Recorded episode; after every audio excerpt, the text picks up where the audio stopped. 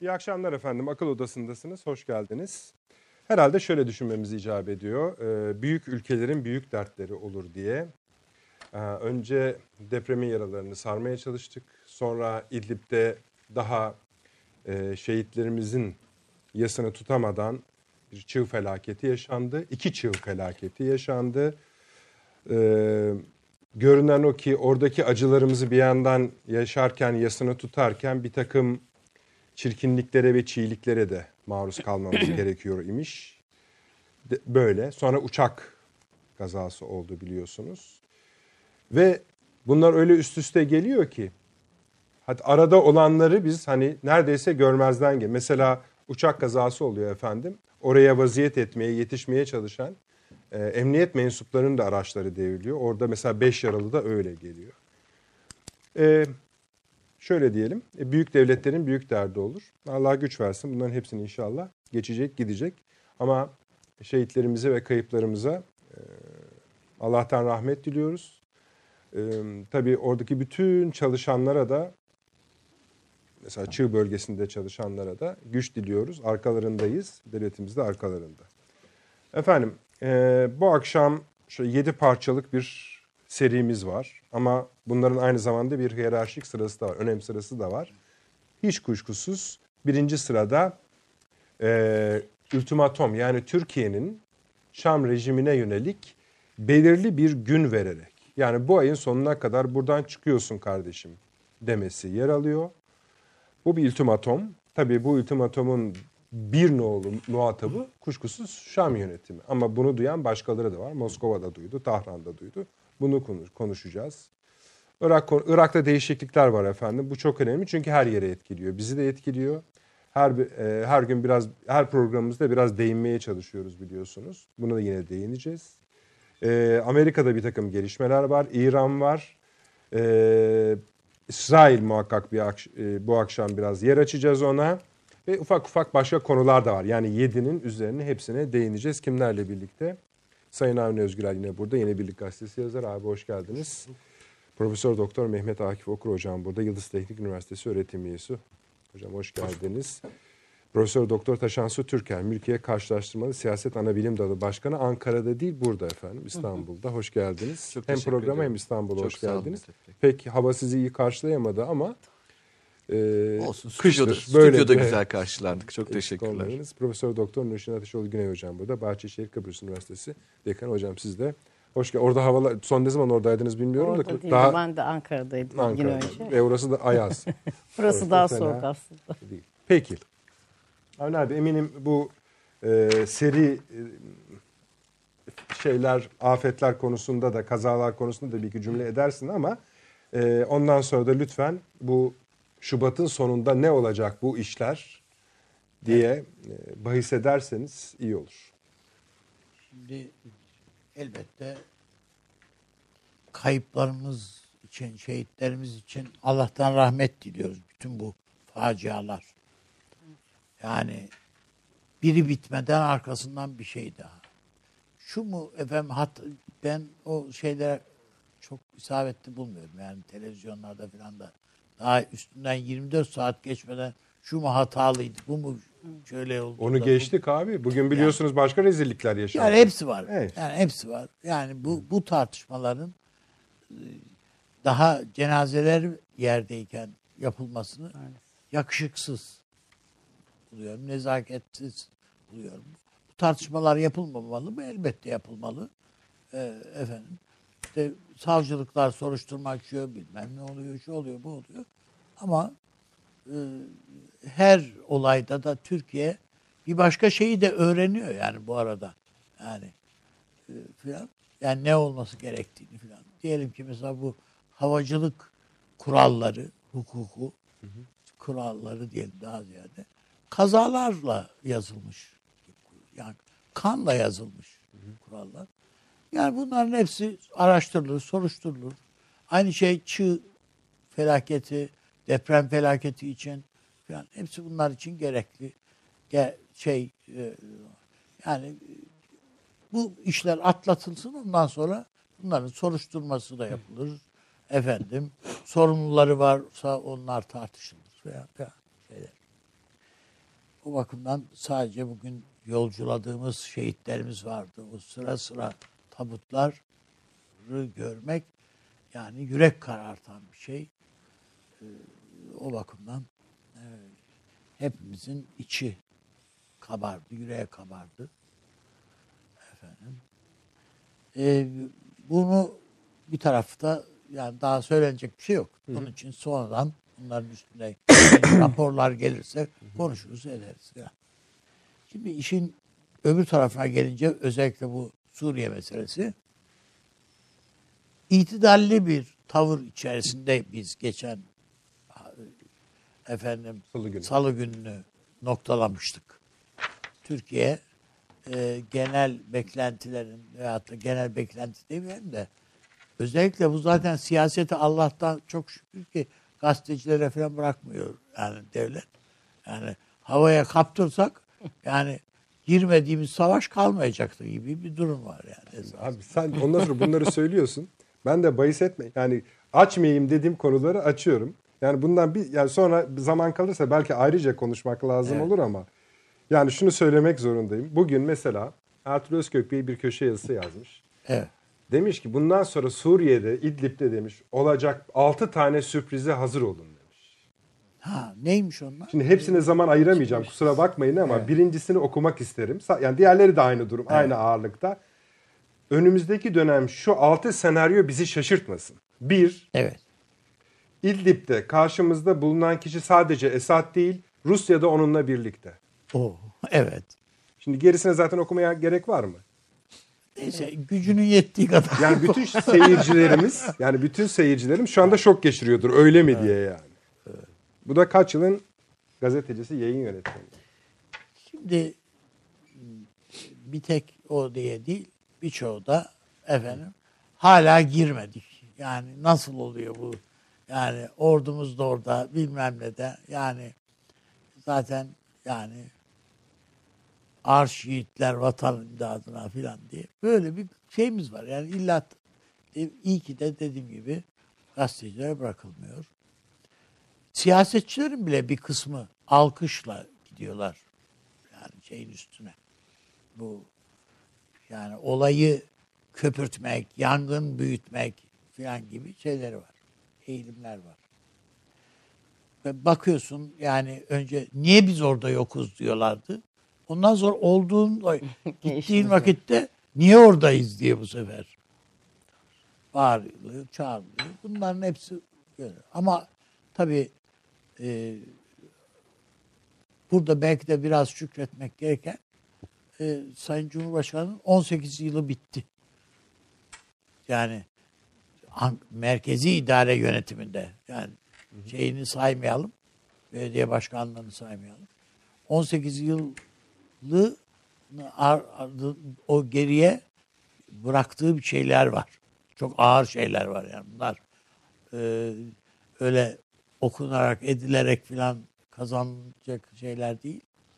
O insana neyin olmaması gerek, neyi olması gerektiğini değilse bile neyin olmaması gerektiğini. Bu tecrübeye sahip başka o kadar yılda dünya lideri de yok galiba. Bir Şu anda var. dünyadaki en tecrübeli liderlerden yani birisi. Yani tam Tabii. yapmadı devlet evet. başkanlığı olarak. Ben e, yani gazeteciye başladığımda o zaman İsmet İnönü sağdı. E, onun şeyini muhabirliğini yapan abilerimizden falan öğrendiğim kadarıyla eski siyasetçilerin hemen hemen pek çoğu yani rahmetli Adnan Menderes de dahil olmak üzere en kritik durumlarda bile bu İslami bir şey de zaten aynı zamanda herhalde tavırda. Bir iki üç saat beklerlermiş yani. Hatta İsmet Paşa'nın uyuduğu söylenir. Yani çok sinirlendiği ve hatta kritik bir karar vermesi gerektiğini düşündüğü zamanda. Falan. Rahmetli Adnan Menderes'in de namaz kıldığı söylenir. Yani bir iki rekat namaz kılıp ondan sonra. Yani o bir yatıştırıcı tel, teskin edici bir e, etki meydana getiriyor diye ifade ettiler. Öyle biliyorum yani öyle duydum. E, yani Allah'tan işte tecrübe de bazen bunu sağlıyor zaten. İşte onun için Tayyip Bey'in e, bu Su, Rusya ile olan e, Putin'le olan e, şeyinde görüşmesinin akabinde ortaya koyduğu e, tavır işte o itidalin o akıl çizgisinin ne kadar hakim olabileceğinin göstergesi. Onun için yine böyle makul bir noktaya geliyoruz.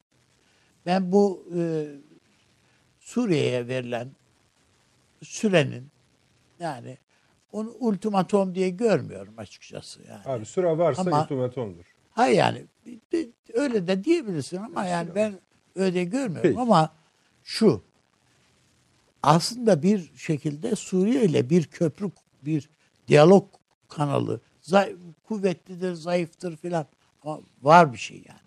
Bir temas noktalarımız var. Ben üstelik de geçen salı günde zannediyorum söyledim. Bu Suriye'deki Suriye'nin bu saldırısını sadece merkezi Şam yönetiminin Esed yönet yani sarayın e, kararından öte oradaki başka unsurlar da var. Yani işte İranlı milisler var, şunlar var, bunlar var. Yani Türkiye'ni Türkiye'yi e, daha sert bir tutum içine e, girmeye zorlamak isteyen grupların şeyine de bağ. Yani onun da payının olduğu kanaatindeyim. Bu Esed'i ibra etmek manasında değil Gayet. ama e, çünkü Suriye şeyden Rusya'dan gelen açıklamalar veyahut da tepkiler de ya bize haber verilmedi veya şu bu. Yani Rusya sanki hani niye böyle olduğu şaşkınlığını Ankara'ya yansıttı gibi. Mutlaka Rusya'nın da bir şekilde haberi vardır. Dahli de olabilir, şu da olabilir. Ama hoşuna giden bir tablo değil, bir fotoğraf değil. Ama nihayetinde geldiğimizde şu ki bugün İbrahim Kalın'ı dinliyorduk hı hı. işte buraya gelirken. E, belli ki bir e, Soçi görüşmesi zirvesi daha Ankara hazırlama hazırlanmasını istiyor. Belli bir şey. Demek ki tekrar bir heyet de bekleniyor evet, galiba. Rusya'dan bir heyet de bekliyoruz diyor. Öncelikle o heyet herhalde bu Suriye'deki durumda işte vidaları biraz daha sıkıştıracak filan filandır. Ee, sadece Rusya'nın ve Suriye'nin mi vidaları sıkıştırması gerekiyor? Hayır, Ankara'nın da biraz başka şeyleri yapması lazım. Özellikle bu oradaki gruplarla alakalı. Yani bu Heyet Tahrir gibi, El Sura gibi filan bu, bunlara dönük olarak biz biraz zamana ihtiyacımız var. Biz başlangıçta bazı taahhütlerin içine girerken bu kadar şey yapacağını, bunun zaman veya da bir dirençle karşılaşacağımızı falan veya ne, ne tür bir şeyle karşılaşacağımızı çok fazla şey yapmamıştık herhalde. E, ama işin içine girince bunlar çünkü ufak tefek gruplar değil yani. 50 bin kişilik, 22 bin kişilik filan filan gruplar. Falan. Bu, Şimdi bu... o birinci bölüm için şunu söyleyeyim abi. Rusya'ya dedi ki yani evet. Rusya için dedi ki Türkiye evet. şu anda dedi çatışacak, çekişecek bir evet. zaman değil. Böyle bir durum yok dedi. Ama aynı zamanda işte bu benim taahhütlerinizi yerine getirin diyor. Ha, okey. Tamam, bu Rusya tarafı. Şam'a Ama, da dedi ki evet. senin günün günün say, yani şeyin geri sayımın evet. başladı dedi. Yani anlıyoruz ki ikisini tamamen ayırıyor. İkisini ayırıyor hem, da ayrılıyor mu? Hayır, tam ayrılmıyor. Tamam. Çünkü şöyle. Yani biz bizim e, salı günü de ortaya koyduğumuz şey şuydu burada. Bu M4 karayolunun kuzeyini ne elleşmeyin. Haritayı verelim. Ama bunun güneyinde de bizim kontrol noktalarımız var. Eğer ya tamam bunda mutabıkız derse bunlar e, geri kalanını çekelim mi yani? Hayır. Türkiye bir de yani şu anda bu kontrol noktalarında geri adım atamaz. Hı hı. Şu noktada. Onun için bizim yeni bir mutabakat belgesine ihtiyacımız var. Neler olacağına ilişkin. Hı hı. Bu onun için dendi bu işte bu tekrar bir Soçi, tekrar bir zirve, beraberlik filan filan. Ama bu süreçte mesela ne biz evet farklı şeyler peşine girdik veya da tavır içine girdik ama yani Rusya e, bir taraftan da bu e, Hafter'i falan bastırıyor yani. Yani yani peşini şey bırakmış de söyleyelim değil yani. abi. Şimdi harita var ekranlarda. Şimdi seyircilerimiz görecektir orada. Bir yeşil taralı alan var. Bir beyaz üzerine mavi taralı alan var. Evet. Bir işte böyle kırmızı bir alan var. Hemen o taralı alanların üzerinde rejimin rejimin Ocak ayında ele geçirdiği bölge. Bunları niye sayıyoruz? Yani yeşil bölge de öyle. Ağustos ayında aldığı bölge. Aradaki de Aralık ayında. İşte hepsi orada yazıyor. Şimdi Türkiye'nin çekileceksiniz dediği yer neresi? Bu alınan yerler mi? Alınan yerlerin bir kısmı mı? İşte, tamamı değil. Bir Aldık kısmı. Arkadaşlar. Yani bu e, Türkiye'nin kontrol noktalarını hedef alıyorlar. Yani. İşte şu ana kadar 3 kontrol noktasının evet. etrafı. Evet. Kuşatılmış durumda yani. Biz oraya bir kere askeri takviyeler yaptık zaten. Esas o takviyeler sadece o takviyelerden değil, üç tane de ilave nokta kontrol noktası kuruyoruz. Kontrol noktası. Kuruyoruz. Şimdi bu kontrol noktalarının orada yeni kontrol noktalarının inşası veya e, orada bunların kuruluyor, kurulacak olduğunun görülmesi Suriye'nin tepkisini çekti. Sadece Suriye'nin mi? Hayır. Rusya'nın, hayır İran'ın da tepkisini çekti. Biz burada genelde hani e, İran'ı hep böyle daha kenardaymış gibi görüyoruz. Ama orada belirleyici şeylerden bir tanesi özellikle bu M4 ve M5 karayollarının e, kesişme noktalarında İran çok daha Şam'dan daha duyarlı bu konularda. O yüzden ben önümüzdeki dönemde bunların İran'la daha açık yüreklilikle Rusya'nın da baskısını Tahran üzerinde hissettirecek bir şekilde e, masaya oturulması oturulacağını düşünüyorum. Hmm. Kesinlikle bu, bu böyle. Bugün e, şeyden de İbrahim Kalın'ın konuşmasından da anladığım budur açıklamasından. Ama öbür taraftan Rusya ile Türkiye e, Amerika'nın bütün şeylerine rağmen yani işte Türkiye'yi destekliyoruz, arkasındayız, yürün gidelim hani biz de varız falan. Pek o gaza gelmiyor yani Ankara belli. S-400'ler, M-400'ler işte bunların hiçbirisi e, de bir geri adım söz konusu değil. O ee, İran konusuna biraz açıklık getirelim istersen abi. Şu mesela Cumhurbaşkanı biraz böyle çıkıyor efendim. Evet. Bunları hani böyle anlıyoruz. Dedi ki havada Rusya, karada İran olmadan tek çakıl taşı oynatamaz Şam rejimi dedi. Bunu sö- e, tabii canım, bunu söylediğiniz zaman evet. şeyin de orada ne olduğunu da anlatıyorsunuz aslında. Yani İdlib'de ne olduğunu tabii. da anlatıyorsunuz esas. Şimdi şöyle düşünelim. Ee, bir vesileyle Tahran'daki bir arkadaşımızla konuşmamdan yola çıkarak söyle, şey yaptıydım. Hava yoluyla ekmek getiriliyor Şam'a. Hı, söylemiştiniz evet. evet. Yani şimdi böyle bir noktada Şam bu mu askeri harekat yapacak? Yani yani halkın ayaklanmasını kontrol altına almak için böyle yapıyor. Ama ordusunu da yedirmek, içirmek zorunda. İran diyor ki bu gönderdiğimizin bir kısmını da bizim milislere vereceksiniz. Falan. Yani böyle bir noktada Şam yönetimi. Peki. Bu, bu noktada onun için İran e, Rusya bu desteği veremez. Açıkçası. E, yani Zorlar İ, İran zaten e, Şam'a e, hep bunu veriyor. Karşılığında da Bence İran işte, biraz onu artık prestij olarak da görmeye başladı Süleymani olayından sonra. Sadece prestij diye değil. Geçmişte o Süleymaniye o değil Süleymani evet. olayından da önce biliyorsunuz e, askeri takviye, malzeme takviyesi için bizzat Esed Tahran'a gitti. Değil mi? Hatırlayalım. Evet. Gitti. Dönüşünde e, İran'a deniz üssü verdi. Adam. Yani İran almadan vermeye İran'da bir şey yok. Yani istediği kadar müttefik olsun. Onu bir fırsat olarak görüyor. O Peki. talep ediyorsun Şimdi- ama buna karşılık Yani bana sonuç olarak şunu vereceksin bu diye. sürenin sonunda ne bekliyorsunuz? Ben Tek cümleyle Su- Suriye'nin Suriye'nin hem Ankara'ya biraz daha kapı açmasını bekliyorum. Çünkü 70-80 tane askeri ölmüş. Adamın yine ağzını açmıyor ya.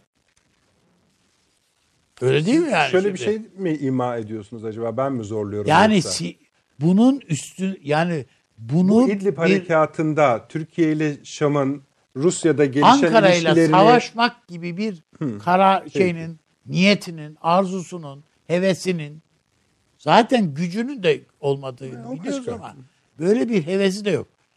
İşin içine Ank- o Ankara'yı daha fazla orada alevlendirecek şekilde girmesinin Şam'a bir faydası da yok. Peki. Ama orada alevle alevin büyümesinin den fayda umanlar var. Var. Onu söylemek için Tamam. ifade Peki Mehmet Hocam. Ee, evet, öncelikle tabii söze başlarken ilgili konuşuyorsak e, şehitlerimizi anarak başlamamız lazım.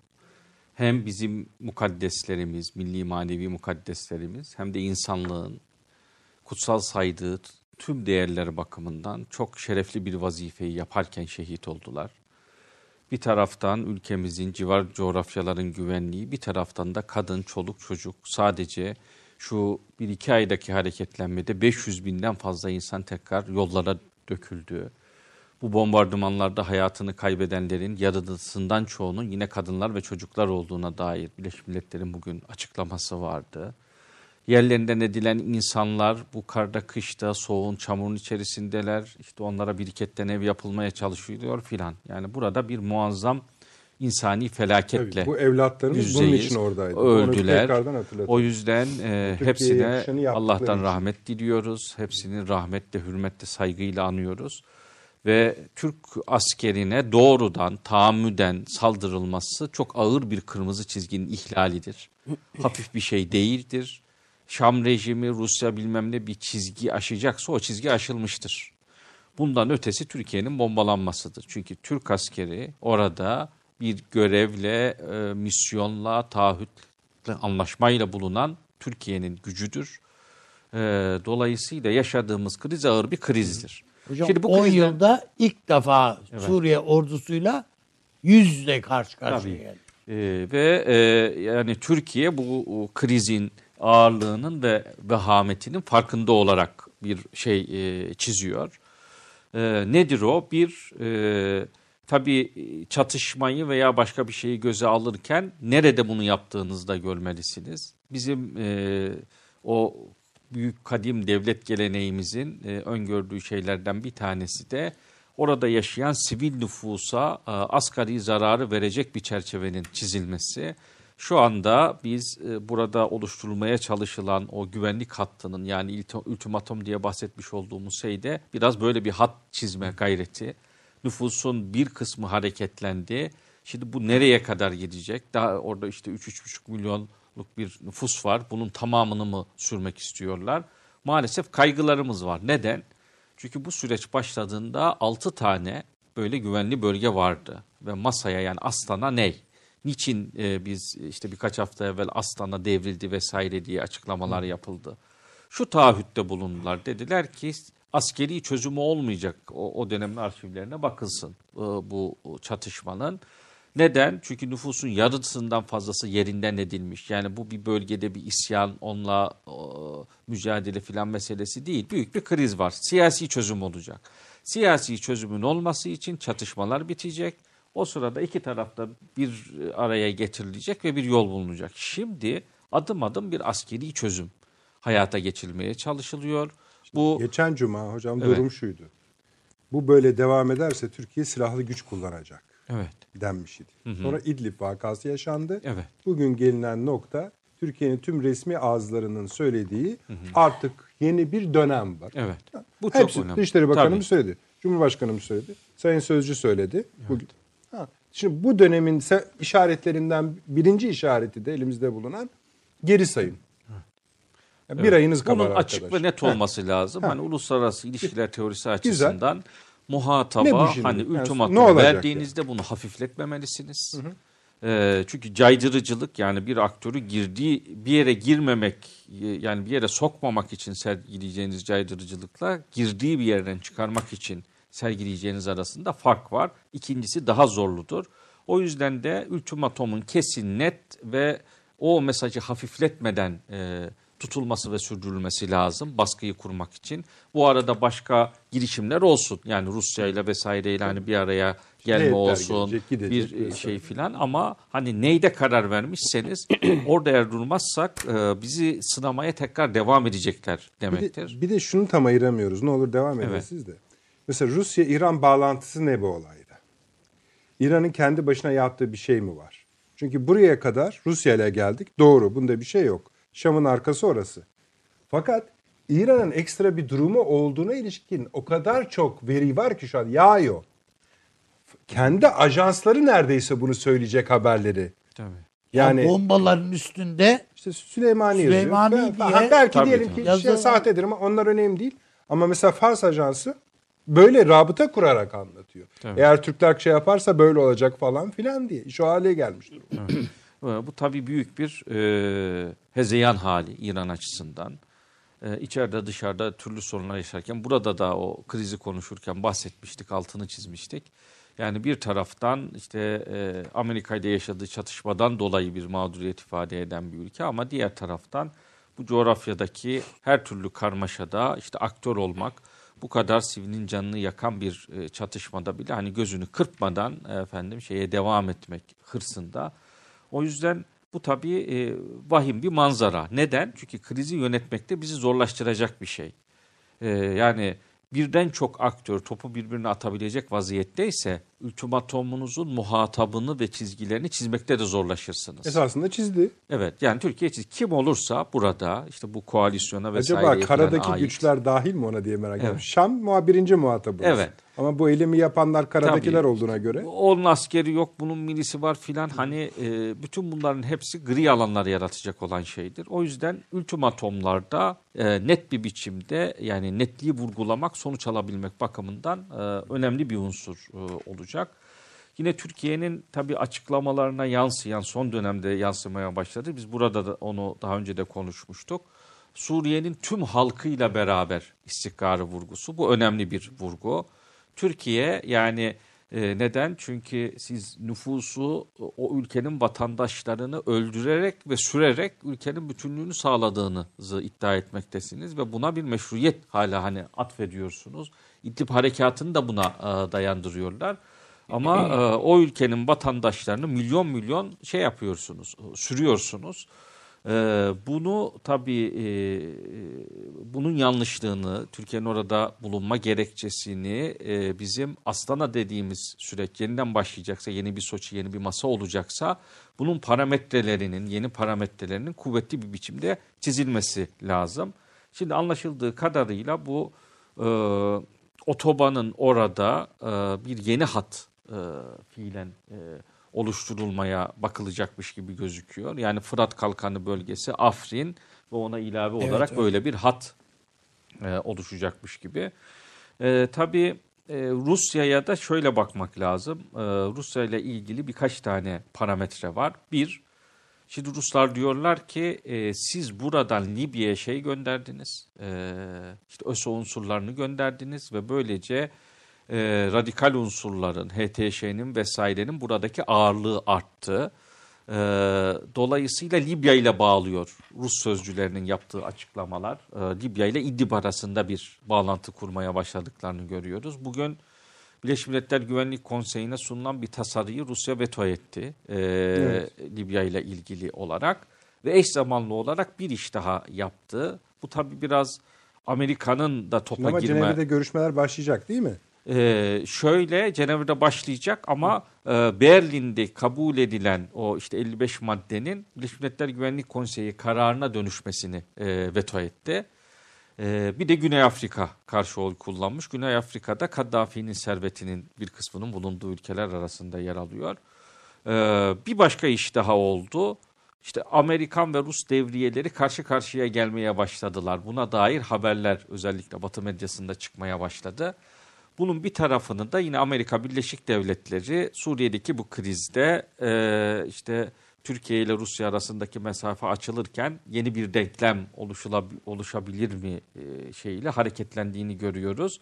Ama e, Türkiye'nin o oradaki yani Fırat'ın doğusundaki kırmızı çizgisi konusunda bir hareketlenme yok. Tam tersine. Siz Amerika Birleşik Devletleri'nin Türkiye yanlısı açıklamasını samimi mi buluyorsunuz? Yo şöyle yani o olabilir o, çünkü o da mesela şöyle diyorlar Amerikalılar. Buradaki İran unsurların buradaki e, hedeflenen yerleri ele geçirmesinden mutsuz olacağız diyorlar. E, yani ondan kesinlikle tabii mutsuz olurlar ama e, onun dışında meseleyi çözücü bir e, yeniden defterleri açalım adımı gözükmediği için bu işler bir yere gitmiyor. Yani nasıl? Bu Suriye meselesi ne olacak?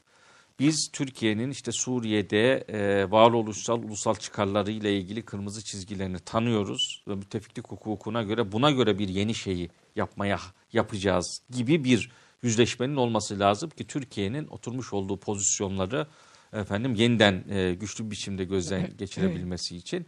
Bununla ilgili emareleri e, eğer görürsek mesela önemli gelişmeler var. İşte Trump'ın süreci bitti kongrede. Geleceğiz bu akşam. O yüzden işte belki Suriye vesaire diğer alanlarda kendi istediği politikalarla ilgili başka şeyler olur mu?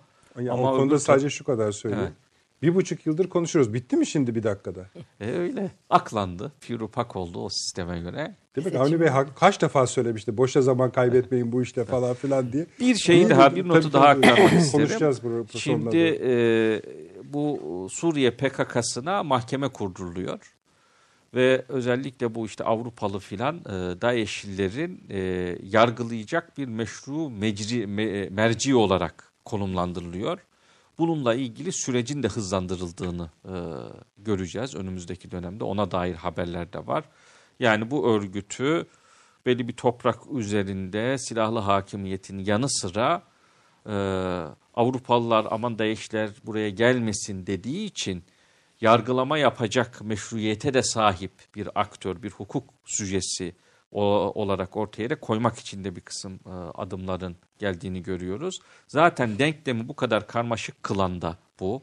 Yani Suriye'deki büyük güçlerden hiçbiriyle Türkiye'nin pozisyonu yüzde yüz örtüşmüyor. Ve Türkiye bu pozisyonlar arasında denge kurarak bir taraftan Suriye halkının tümünün Bize bir ay sonrasını mutluluğu, bir taraftan 25 gün sonrasını söyleyeyim. Yani onu yani sizin perspektifiniz ne? Şöyle e, ne olacak yani? Ne olacak? E, ben ha, yani, ne olmalıyı da söyleyebilirsiniz. Tabii, o ayrı bir konu. Ben şimdiye kadarki çizgiye hani şöyle baktığımda e, zorlamaktan vazgeçmeyecekleri kanaatindeyim. Çünkü sizin bahsettiğiniz şeyin bir sonucu da şu. Kaynağı azalan ve tüketen aktör eğer askeri çözüme yatırım yapmışsa bunun arkasını getirmek için de gayret e, gösterecektir. E, Türkiye'de Onu orada kalacak belli oldu. Evet Türkiye'nin bu noktadaki kalacak. tavrını netleştirmesi ve ısrarı o şeyi değiştirir. E, tabii hani zor oyunu bozar. E, Bakın iki tane büyük sev küçük küçük küçükleri söyleyemiyorum. Birisi 500 araç. Tabii. Bu sonuncusu 100 araç. Yani araç bu dediğimiz de şey caydırıcılık unsurlardır. Yani. Tabii zırhlı personel taşıyıcılar. Hı hı. Ee, ve e, bu kararlılıkta durmak lazım. Çünkü bunun ardından gelecek olan şey yani hiç gözlerini kırpmazlar orada kim varsa Türkiye'ye dönük büyük bir göç Peki. dalgasını tetiklemekten de çekinmezler. Yani bir, siz biraz tehlikeli görüyorsunuz. Ben görüyorum. Görüyorsunuz. Burada bir ultimatom netleşmeli. Ben de. Sadece şu unsur bu unsur değil. Burada kim varsa ben bunu hedef görüyorum. Ki mesela daha da netleştirebilirsiniz. Bizim istihbaratın elinde muhtemelen emir veren subaylar, şunlar bunlar bunların tesis görüşmeleri de vardır. Var, evet. Rusya'ya liste verirsiniz. Kardeşim benim 10 tane askerim öldü. Hocam, Bunları tutukla getir dersiniz. Sorumluları yani. şunlar diye isim de verilebilir. İsim de verirsiniz. Bundan sonraki herhangi bir Bu süreçte... diyorsunuz değil mi? Yani, yani bunları şöyle, tutarlar harcarlar. E, şu harcarlar mı artık bilemiyorum. Bundan evet. sonraki herhangi bir barış sürecinde bunlar derler. şey olmadan biz masaya oturmayız bunlarla dersiniz. Peki. Bir sürü yönü olur. Teşekkür ederim. Hani bir e, Taşan Hocam geleceğim hemen de. Bu biz dün akşam e, salı akşamı konuşurken Türkiye'nin e, Sayın Cumhurbaşkanı ile Putin'in görüşmesinden sonra Türkiye'nin açıklamasını evet. biliyorsun okumuş idik. Sonra geldi programdan sonra Rusya'nın açıklaması geldi. Onu görebildiniz mi? Gördüm. Ne ne oldu? Yani aslında Cumhurbaşkanımızın söylediği. Tamam. Çizgi. Ne anladık? Yani e, aslında Rusya frene basıyor canım. Oradan o çıkıyor tabii, mu? Tabii tabii tabii. Peki. Bana biraz daha böyle donuk bir şey gibi geldi. Bilmiyorum. Hayır ne olduğunu anlamaya da çalışıyor o arada. Yani İran'ı tahlil etmeye çalışıyor. Ne ne ne yapma yani o anlamda bir frene basıyor dedim. Şu yarın yoksa ne diye bir Rus heyeti Ankara'ya geliyor olsun. Yani hiç daha mesafeli durabilirdi. Oysa değil. Rusya işin Ukrayna'yı falan görmemezlikten gelemeyiz. Yani bu Tabii, olay Hani bütünlük şey. Ya onu da tekrarlayalım. Yani bütününe sosyal medyada da tek bir şeye indirgeniyor bu iş. Yani bu iş sadece Libya olamaz. Bu iş sadece Ukrayna olamaz. Bu iş sadece Gürcistan olamaz. Ama hepsi olabilir. Toplamı ama olabilir. tamam zaten aynı paketin içinde geliyor. Yani, Tabii, yani- Cumhurbaşkanımızın Ukrayna'da yaptığı konuşmaya bakarsan bunlar aslında Putin'e söylenmiş Tabii. bir hitap zaten. Aynen o. Bu öyle. yani ilişkilerimizi bağlayan o güçlü Evet. şeyleri de şöyle Me- okumak lazım. Hoca, Bu siz ne işler dediniz? koparsa Hani bundan sonraki aşama Türkiye'nin bombalanması. Tabii, başka E daha ötesi yok yani. Yani Tabii bu canım, Libya'yı zaten ötesi orası yok. Türkiye'nin kontrol noktaları bombalanıyor. Evet. Yani daha ne olsun? Peki. Buyurun Usta Şans Hocam. Siz nasıl görüyorsunuz? Siz de Efendim, tehlikeli bu- görüyor musunuz? E, bu işleri? tehlikeli tabii ki yani bu e, ama hani bu birazcık göstere göstere geldi aslında uzun bir süreç içinde göstere göstere geldi hem de bu. Şöyle şimdi Soçi mutabakatı Astana formatında hazırlandığı zaman mutabakatın içeriği şöyle oluşturulmuştu. İdlib konusundan bahsediyorum. Geri kalanları bir kenara bıraktığımızda İdlib konusunda bu bölgedeki cihatçı teröristler tırnak içinde söylüyorum ve ılımlı muhaliflerin ayrıştırma görevi Türkiye'ye verilmiştir. Ve burada bir ateşkes olacaktır. Şimdi bu ne kadar yapılabilir bir iş olduğu zaten aslında o dönemde taraflarda bunu biliyor olsa gerekler. Şimdi orada bir süre de yoktu. Şimdi süre olmadığı noktada bizim Süre gördüğümüz yok süre yoktu. Yok. Olmayan sürenin sonucunda hani bu görüşmeler çerçevesinde devam edecekti. Süreç istişareyle devam edecekti benim bildiğim kadarıyla. Şimdi burada Rusya bir harekete geçti. Rusya harekete geçerken büyük ihtimalle hani İran'ın burada e, istekleri öne çıkmış olabilir vesaire ama Rusya'nın da e, zannetmiyorum ki buna karşı olsun. Rusya'da zaten İran'dan gelen taleplere Tam teşne olmuş olabilir. aklınızda? E, tam neden şu yani artık e, pek çok bölgede zaten kontrolü Esad e, ele aldığı için ve iş artık bir uzlaşı noktasına yani bir siyasi çözüme gitme noktasına yaklaştığı anda Rusya İran desteğiyle beraber tüm hakimiyeti koru- korumak isteyecektir. Yani şöyle bir Rusya'nın yerine koyun kendinizi bu süreçte ve Suriye'ye dair pazarlık yapmak isteyeceği bir tane muhatap bulundurmak isteyecektir. O da aslında bir şekilde e, eli ayağı biraz oradan çekilmiş olan Amerika. Şimdi Türkiye'nin bu bölgedeki varlığı yeni bir aktör, yeni bir e, önemli aktörün daha orada bulunması demek. Dolayısıyla bunun uzun vadede Rusya tarafından da İran tarafından da istenmeyeceği açıktır. Yani bunu Suriye'de Türkiye'nin sadeleştirilmesi olarak görüyorsunuz. biraz, Ee, e, yani bu zaten olmak durumunda. Yani rejim olmak rejim durumunda. üzerinden Suriye'deki hakimiyet alanını hakimiyetini genişletmek. genişletecek. Yani Hatta esas o arada başka bir safra olarak İran'ı da atacaktır. Ta- İran'da son- bunun o son olmaması için hamle. tabii ki son sonraki hamlede gerekli e, tedbirleri zaten İran'da alıyordur herhalde bu noktada. Şimdi genel çerçeve bu.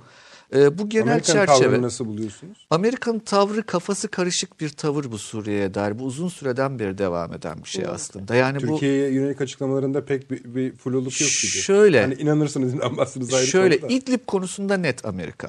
Hep Neden? öyle oldu zaten. yani İdlib Suriye'de konusunda fluluk, kafası karışık ama İdlib'de net. öyle mi? İdlib'de net, İdlib'de net olmasının sebebi açık. Ee, artık bütün kriz oraya sıkıştığı için NATO müttefiki olan Türkiye'nin yanında durmayı tercih etti. Her zaman göçün önünün alınması için ve zaten bu sorunun bir çözümü yok. Amerika da bunu görüyor aslında. Dolayısıyla sorunu bir süre, bir süre daha e, sürece yaymak çerçevesinde İdlib'de Türkiye zaten destek olmuştu. Şöyle söyleyeyim hani 2018 yılıydı yanlış hatırlamıyorsam. iki yıl kadar evvel bu zamanlarda Amerika'da bir kongrede yetkili bir Rus e, diplomat bu konuda mesela çok rahatlıkla bunu söylemişti. Biz çözelim Amerikalılar ve Ruslar olarak. Hatta oradan birisi de sormuştu ayağa kalkıp ama orada Türkiye'de var. Boş verin biz ikimiz çözelim tavrı. Bakın bu ayıp, günah, ne, Ruslar bize düşman demek değil. Bu son derece her devletin göstereceği reflekstir. Son derece de normal karşılanması gerekir. Şimdi bugün bizim bakmamız gereken husus bu noktada. Bir şeyler oldu, bir şeyler değişti ve bir pakette bir değişiklik var. Bu paketi de sadece İdlib olarak okumamamız gerekir. Libya'da İdlib var. bunun doğru. işareti mi? İdlib, e, İdlib bunun sonucu. Sonucu. Sonucu. Ee, Biriken büyük- var diyorsunuz. Evet bir birikim var. O birikim şu. Hem Suriye'de hem Irak'ta yeni bir çözüm yaklaşıyor. Ciddi anlamda köklü hazırlıklar var ve bu hazırlıklar içerisinde zannediyorum ki Türkiye'de epey rahatsız eden duyumlar var. Hem Irak'a dair hem Suriye'ye dair. Irak ve Türkiye kalem, e, artık beraber değerlendirelim Tabii işte bence. ayrı kalem bu akşamın konuları Aynısı açısından. e, ve, ve onu yani e, oradaki bu yeni yapılanmaya dair e, biraz önce ben de dinledim daha öncekileri dinleyememiştim birkaç gündür yoğundum ama e, Sayın Cumhurbaşkanı sözcüsünün söylediği yeni bir dönem İdlib'e dair de Suriye'ye dair de. Şimdi yeni bir dönem dediğinizde aslında e, pek çok taş yerine oturuyor. Yeni bir dönem şu demek. Biz burada varız.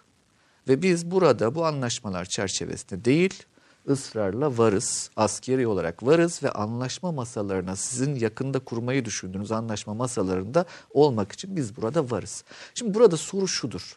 Ne oluyor? Suriye ve Irak için ne planlanıyor?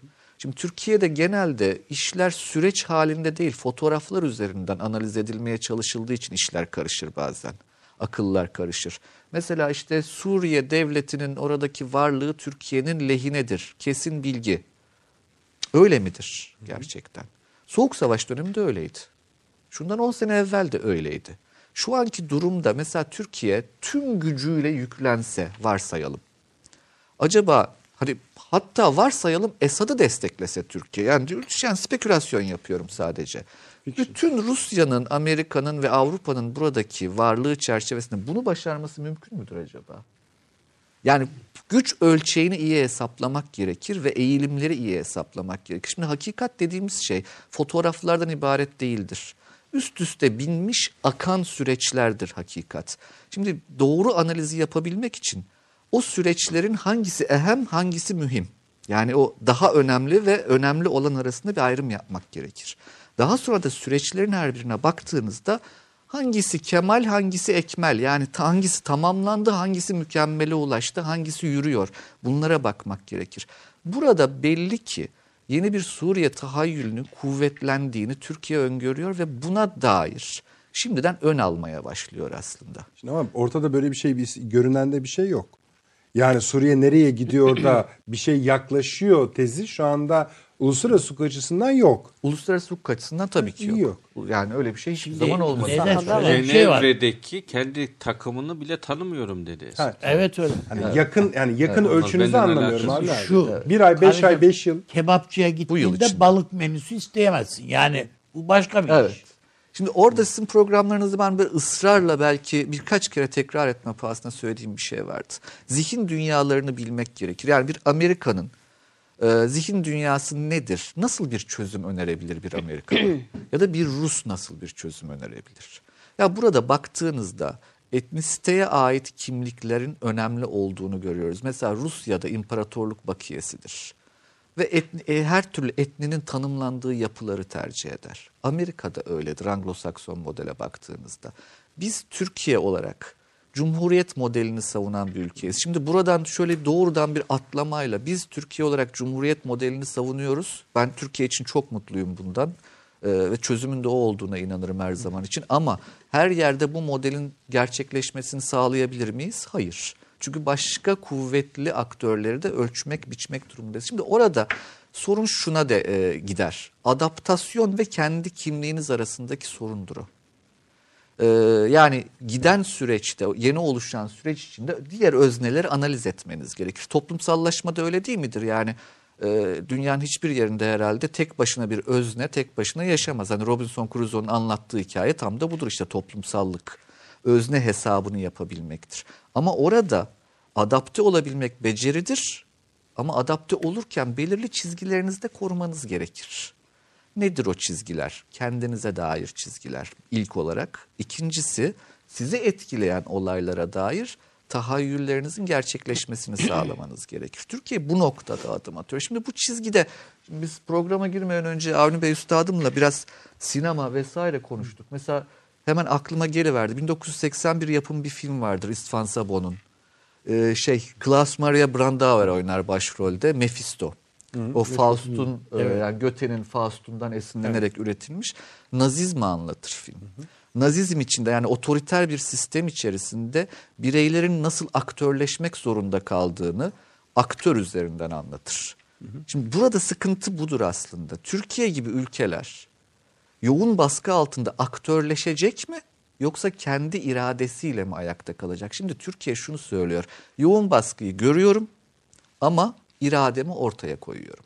Yani çizilen sınır ve verilen tarih o masada Türkiye'nin olmak istediğini, o masada olmak için bazı şeyleri göze aldığını anlatıyor aslında. Bazı Olaya şeyleri tarif edin. ee, bazı şeyleri şu e, çatışmayı göze aldığını söyledi Güzel. mesela Suriye rejimiyle. Bu bu- bugün Bundan söylenen daha şey. önce Amerika'yla da göze Şöyle, almıştık. yani Onlar geri adım Taşan attılar. Hoca da onu söyledi. Muhtemelen zaten Muhsin Hoca'ya da aktarırken onu şey yapmak lazım. Diyelim ki Suriye rejimi için bizim bu Afrin falan kabul edilebilir gibi değil. Adam kendi toprağım diye bakıyor. Tabii. Yani. Bu, bunu terk et diyor zaten. Kesin. Ayrıca sadece bu da değil. Üstelik de Lübnan'ı da ne, ne arıyor orada diyor. Lübnan diye bir devlet mi var diyor. Şimdi biz Suriye böyle bakıyor. Biz e, bu PYD, PYD, PKK, Kürt meselesi bunlar çerçevesinde bir değerlendirme yapıyoruz. Bu- Bunsuz olmaz diye bakıyoruz. Amerika aman ha bu İsrail diye bak.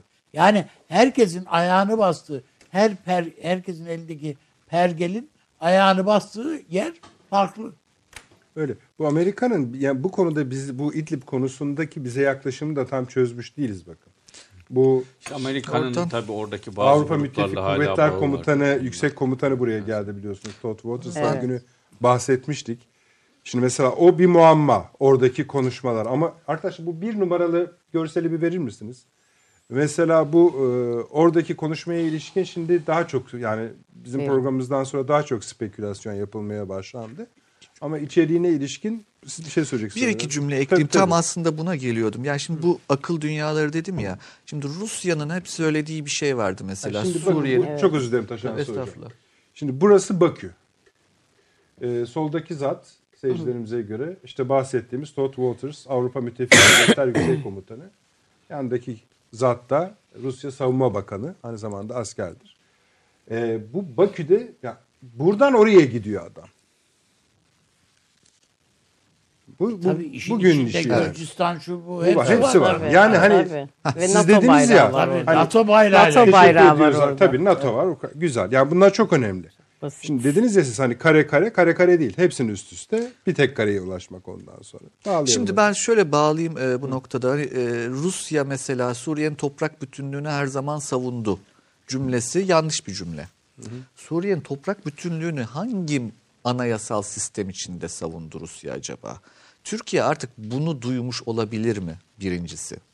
İkincisi e, Rusya'nın Kuzey Irak'a dair yeni bir planı olabilir mi? Yine aynı o emperyal çerçevede bakışıyla farklı etnisitelerle oluşan bir Irak gibi. Olmaması Üçüncüsü mümkün hocam.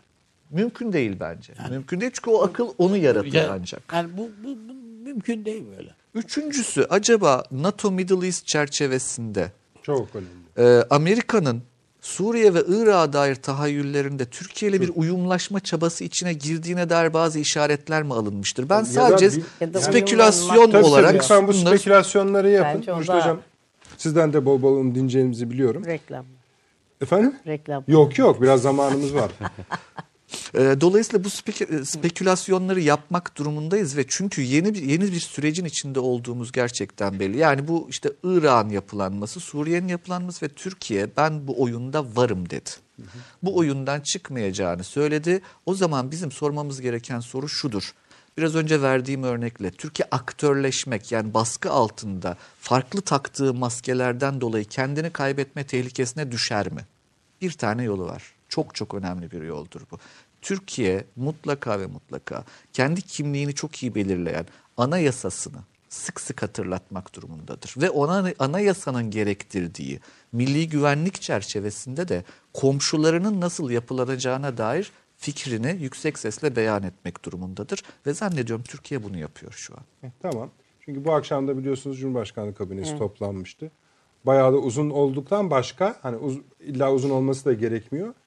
Çok parçalı iş yapıldığı anlaşılıyor. Çok fazla sayıda sunum yapılmış abi.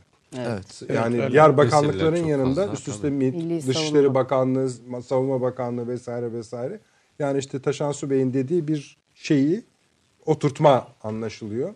Bir şey diyeceğim. Ya ben öyle zannediyorum ki bu bir taraftan tabii bu Rusya ile zirveler, şu askeri heyetler, şunlar bunlar görüşülürken öbür taraftan da Amerika ile bir e, şey siz uyumlandırma çabası Amerikan. Amerika'nın ama. Amerikan. Evet. Türkiye bunun zeminini ar- araştırıyor.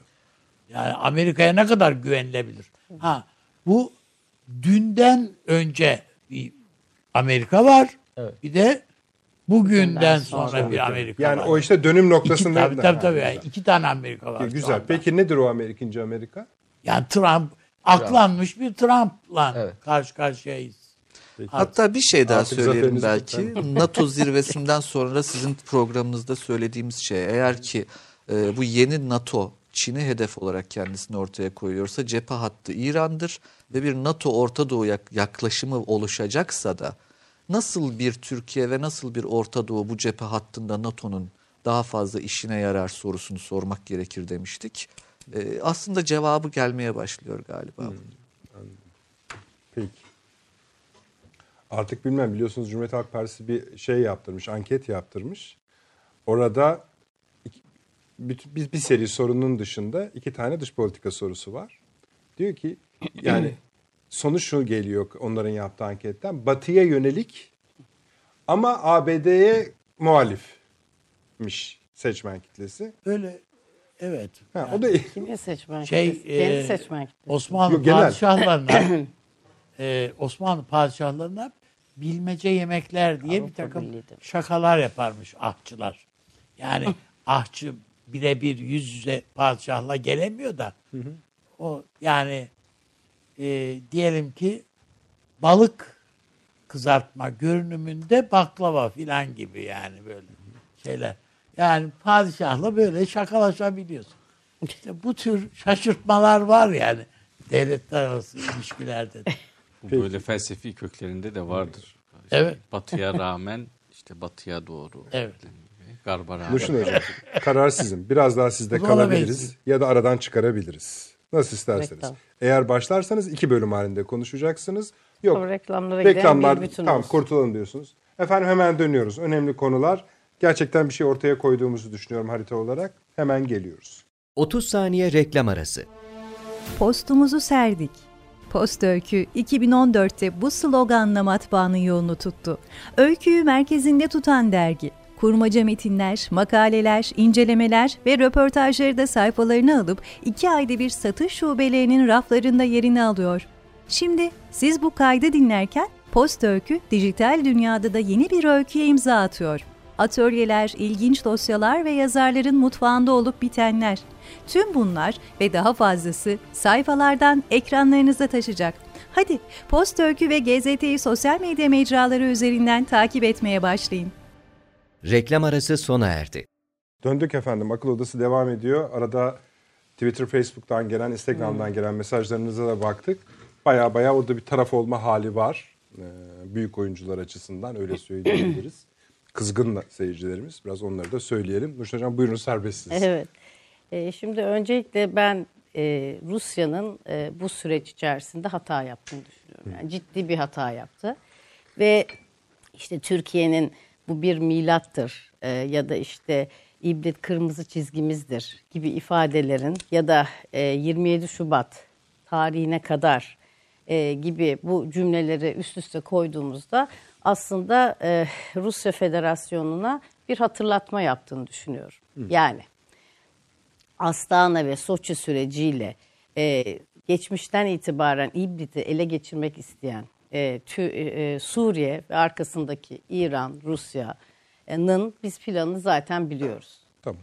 Bu ufak ufak zaten gelişti. Yani işte burada bahsedildi. E, bu e, işte 6 tane e, bu e, çatışmayı düşürmek üzere yapılan bölgeler. Oradan işte Halep'ten e, her yani muhalefetin sürekli üçüncü defa göç etmesi ve İbrit'te gelip kalması, sıkışması ve burada işte e, bu rejimin e, e, İran'ın desteğiyle karadan, havadan Rusya'nın desteğiyle sivilleri gözetmeksizin bir e, Grozny misali e, saldırılarla e, Türkiye'yi bir şeye zorladığını gördük. Nedir? Bir yandan mülteci meselesi, bir yandan işte e, bu e, stratejik hatlar üzerinde e, o M4, M5 hattındaki alanlara yaklaşmak suretiyle Türkiye'nin buradaki varlığını ve buradan söküp atmaktı. Bunu hepimiz biliyorduk. Şimdi bu e, ko- e, ko- bu hareket koordinatlarının yani bu e, işte bizim şehit olan e, askerlerimizin e, oraya nakilleriyle ilgili bilgilerini yok bilmiyordum, yok e, verilmedi. Bu bahaneler e, yani kabul edilebilir bir şey değil. Şimdi bu bağlamda ben Rusya'nın stratejik bir hata yaptığını inanıyorum. Ve dediğim gibi bütün bu e, Türkiye'nin bunun akabinde misliyle cevap vermesi, muhatabının e, Rusya olmadığı ama rejimin olduğu ve buna karşı yoğun bir şekilde e, cevap verildiği ve arkasından da bu milatla birlikte artık her şeyin o eski Astana ve Soçi'deki e, formül üzerinden olmayacağını netleştirdiğini görüyorum. Siz diyorsunuz Bu bir. ki şimdi o bir dediğiniz bayağı ağır Çok, bir ama şey. öyle. Astana artı Ha. Soçi'nin fişi çıkmıştır diyorsun. Evet yani Bu ama bir. biz çıkarmadık. Türkiye Yok, burada tamam. büyük bir özveriyle Sayın Cumhurbaşkanımızın Putin'le olan e, işte diyalog çerçevesinde bunu bir şekilde idare etti. Buraya kadar getirdi. Fiş ama çıktı. bu fişi çıkaran biz değiliz karşı Peki. taraf. Dediniz ki Rusya stratejik bir hata yaptı. Tam beklentisi neydi buradan? Yani ne ümit ediyordu E, da o, o bence yanlış hata, hesapladı? E, yani işte onu bilemiyorum. Yani geri- bu bazen e, büyük güçlerde hata yapabilirler. Büyükten kastım yani Soğuk Savaş döneminde öyle bir şey Vietnam'da Amerika'nın Hocam. Biz de hatalarını gördük. toplayacağız. Haydi. Ha, öyle yani- içeride bir e, tartışmanın şimdi- ateşleneceğini. Şimdi önemli olan e, burada bizim gözlem e, noktalarındaki varlığımızın amacı neydi? Oradaki eskalasyonu azaltmak üzereydi değil mi? E şimdi ne oldu? Biz zaten bu e, sistemin yürümediğini gördüğümüz için oraya askerimizi gönderiyorduk. Yanlış mı? Doğru. E, dolayısıyla şimdi o milatla yani olanlar üzerinden bu iş değişti. E, ve öyle bir değişti ki e, şu anda e, o alanın bir şekilde e, muhafaza edilmesi ve gerekirse oradaki varlığımızı yani o gözetleme noktalarımızı hem çoğaltacağımızı hem oradan asla geri çıkmayacağımızı söyledik. bunun için savaşmaya da hazır Ve, oldu. ha, bunu söylemeye çalışıyorum. Bu çok önemli. Hatta bir de ne dedik? Batılı müttefiklerimiz de dedik lütfen hani bu konunun ciddiyetini görsünler ve onlar da bir el atsınlar. Burada kastım Avrupa Birliği hani CHP'nin kastettiği. Yani mülteci meselesi vesaire vesaire. Çünkü Allah korusun bir çatışma olursa e, o zaman bunun sonuçlarında pek çok e, noktaya sirayet edecektir. Yani bu öyle bir kırılma olur ki sadece bölgesel ya da e, Suriye pardon. Yırtılma olur. Ha yani tabii. Dolayısıyla böyle bir ciddi durum var. Türkiye buradan o anlamda Batılılara da uyarısını göndermiş oldu. Bütün bu e, üç cümleyle birlikte. E, Amerika Birleşik Devletleri'ne dönersek e, oraya gelmeyeyim Rusya'dan devam edeyim. Lütfen. Onun akabinde Sayın Cumhurbaşkanımız bir şey daha söyledi. Dedi ki Rusya ile stratejik ortaklığımız öyle bir noktaya geldi ki dedi. Hani bu işte uluslararası ilişkilerdeki o karşılıklı e, bağımlılık meselesi üzerinden hani iki tarafında e, bugüne kadar olan e, sorunlarına rağmen bu işledi. Çünkü çok stratejik önemde işler yaptık. Türk akımı gibi işte nükleer reaktör meselesi, S-400'ler gibi vesaire. Dolayısıyla hani bundan e, biz vazgeçsek bile Türk e, Rusya'nın vazgeçme gibi bir lüksü yok. Çünkü eğer Rusya Türkiye'yi kaybederse o zaman pek çok şeyi yapamayacağını biliyor. Bunu hatırlattık. Ya bu çok önemli. Bence e, biraz sanırım e, Rusya e, azımsamak değil de güvendi sanırım. Yani Türkiye'ye güvendi diye düşünüyorum. Yani bu böyle bir hata yaptı diye düşünüyorum. Çünkü e, Türkiye'nin şu anda Akdeniz'deki Rusya'nın varlığı e, boğazlardan geçerek iniyor. Yani Montreux'u var bunun, bu işin e, daha pek çok konu var. Yalnızlaştığı zaman Akdeniz'e çıkışı, orada karşısındaki e, karşı e, güçlerin varlığı vesaire. Yani bu sadece Akdeniz'de de kısıtlı. Karadeniz'i var, Balkanlar var. Yani Rusya'nın hareket alanının merkezinde ve anahtar bir ülke Türkiye. Ve Türkiye Astana ve Soçi ile Evet İdlib meselesindeki o gidişatı bir süre zamana yaydı ve durdurmaya çalıştı. E, bu önemliydi ama bu yapılan hatayla e, bu süreç yenilendi. Yani Türkiye aslında buradaki sadece Suriye'de değil işte bunu genişletebiliriz. O alandaki duruşunu da bence değiştiriyor. Yani söylem bazında söylüyor ama hocalar söyledi caydırıcılığını da askeri olarak tahkim etmek suretiyle yani o e, olası kötü senaryoyu tabii ki Türkiye istemez. O nedenle değil mi birçok yere mesaj yolluyoruz. E, ve bu nedenle demek ki mesaj alınmış ki Rusya'dan bir komisyon geliyor. Ve işte bugün Evet, Sayın İbrahim Kalın'ın ifadesiyle e, belki Mart'ta yeni bir e, e, Astana ve Soçi süreci, reset bence. Zaten buna ihtiyaç var. E, eğer rejim bizim bu 27 e, bizim Şubat ayı ihtarımıza göre hareket etmezse bunun sonuçlarını görecek. Yani şunu söylüyorsunuz. kesin. Bir nikah tazelense iyi olacak diyorsunuz. Kesin. Öyle gözüküyor. Kesin. Ve bu e, ama bu arasında. tabii e, dediğim gibi diğer alanlardaki işbirliğimizi engellemeyecek. Yok, o zaten çerçevesi onu- çizildi Onu, tabii. onu söyledi zaten Tamam, Cumhurbaşkanı. başka. Çok sıcak bir anda da söyledi. Peki. Ama Amerika Birleşik Devletleri'ne Onu dönersek e, yani onlar zaten e, bu yapılan açıklamalar tabii ki burada da bahsedildi samimi değil. E, yani ama şöyle e, Rusya'ya kaptırmış olduğunu düşünen e, Trump yönetiminin ki şu anda aklanmış bir Trump yönetiminin aynı zamanda Türkiye'yi yanına çekmek isteyecektir birkaç nedenle. Bir İran meselesi. İran'a karşı e, İran'ın Akdeniz'e bu yolla çıkışını ya da Suriye'de İdlib Güzel. üzerindeki varlığını da engellemek üzere yani illa İran nükleer ya da yaptırımlar falan değil. O, olursa çok iyi olur der. Ama hani basit basit adım adım. E diğeri Rusya tabii. Yani Rusya'nın Akdeniz'deki varlığının en baştan beri engellenmesi. Yani 2015'te Obama yönetiminin yaptığı hatayı Trump zaten e, kabul etmiyor. Pek çok hata yaptığını düşünüyor. Dolayısıyla bu bağlamda da e, onu engellemek için ve mümkünse de tabii NATO'dan da bir açıklama geldi. O da şaşırtıcı değil. E, çünkü NATO zaten 2015'ten sonra Rusya'nın gelişiyle geri gitmiş gibi dururken Akdeniz'den bir geri döndü. Kuvvetlendirilmiş NATO bir Middle halde. East Tabii. tabii. Yani o, o ya onunla birlikte donanmasıyla, şusuyla yani Rusya'nın o işte alan kapatma hakimiyetlerini durdurmak, caydırmak, daha fazla genişlemesini engellemek vesaire vesaire. Ama şöyle de bir resim var, büyük bir resim. Ee, e, Türkiye tabii şu anda e, Avni Bey'in dediği gibi Amerika'dan yani yeni Trump diyelim ondan gelecek sinyalleri de değerlendiriyor tabii ki. Ve bunları tabii ki kime karşı?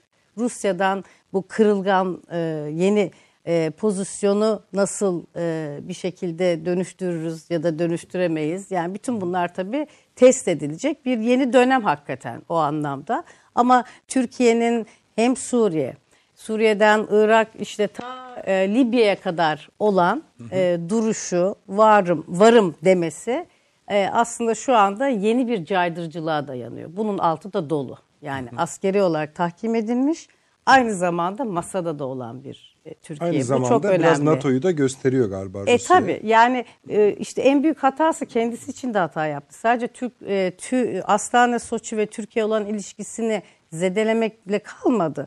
Aynı zamanda Orada bütün, bir gariplik var hala. Orada bütün- bir kara delik duruyor hala. yani bütün soğuk savaş boyunca isteyip de e, NATO'yu e, bir şekilde en önemli gücünü yanına çekemediği Türkiye'yi bu kadar yakınlaştırmışken e, bir anda böyle bir e, hata yapması e, kendi aleyhine bir durum. Garip yani, oldu değil mi? E, garip ama olabilir. Yani hani büyük güçler yapabilir hata. Yani bu kadar da şey yapmamak lazım. Çünkü onun da acelesi var.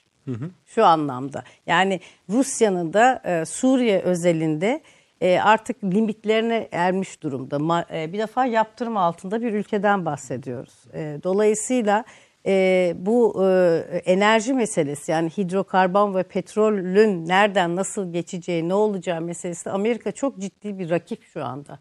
Avrupa piyasasında da ve Akdeniz'de de. Yani pek çok konuda karşı karşıya. Aslında e, Amerika'nın derdi öncelikle mümkünse e, Türkiye'yi yanına çekmek ve çekerken de hem İran'ı hem Rusya'yı da bir şekilde geri sarmak Aynen ve öyle. çevrelemek. Evet. Yani bu geldiğimiz nokta O zaman e, bu şöyle diye devam düşünüyorum. Teşekkür ediyorum Nurşin Hocam. Ee, Taşansı Hocam, Rusya Türkiye'yi kaybederse diye başlayan bir cümle nasıl gidebilir?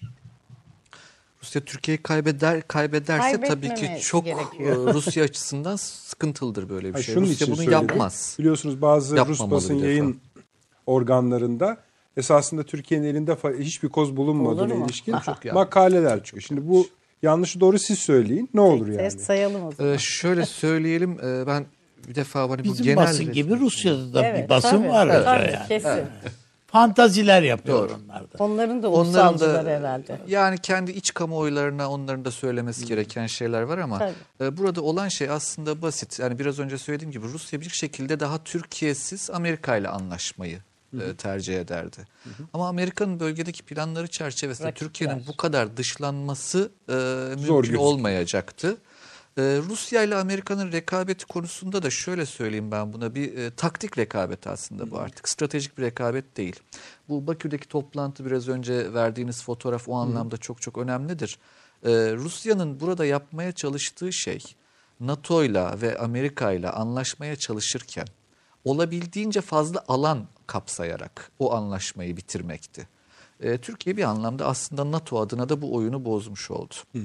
E, dolayısıyla hani orada bir mutlak karşıtlık Batı, NATO ve Rusya karşıtlığı e, görmek yerine e, bunun taktik bir karşıtlık olduğunu, e, işte Orta Doğu konusunda, Akdeniz konusunda, Doğu Avrupa konusunda fikir ayrılıkları olabileceğini ama e, bir Yalta'dan bahsetmiyorum. Fakat e, anlaşmaya açık taraflar burada. Rusya ve NATO'nun anlaşmaya Ama açık hocam olduğunu belirli düşünüyorum ben. konularda şuna dikkat edelim. Mesela e, Azerbaycan hep Rusya ile olan ilişkisini dengelemiştir Tabii. biliyorsunuz. Mesela NATO'nun oraya gitmesi, onun yanı sıra e, Amerika Birleşik Devletleri Savunma Bakanlığı'nın e, think tankı NESA'nın da oraya gidecek olması. Evet. Bütün bunlar e, sinyal o kadar da taktiksel mi diye sordurtuyor Şöyle bana. büyük resmin Yani içinde e, çünkü büyük güçler e, konu bazda tabii ki anlaşabilirler. Çünkü bunların e, stratejik hedefleri var küresel anlamda.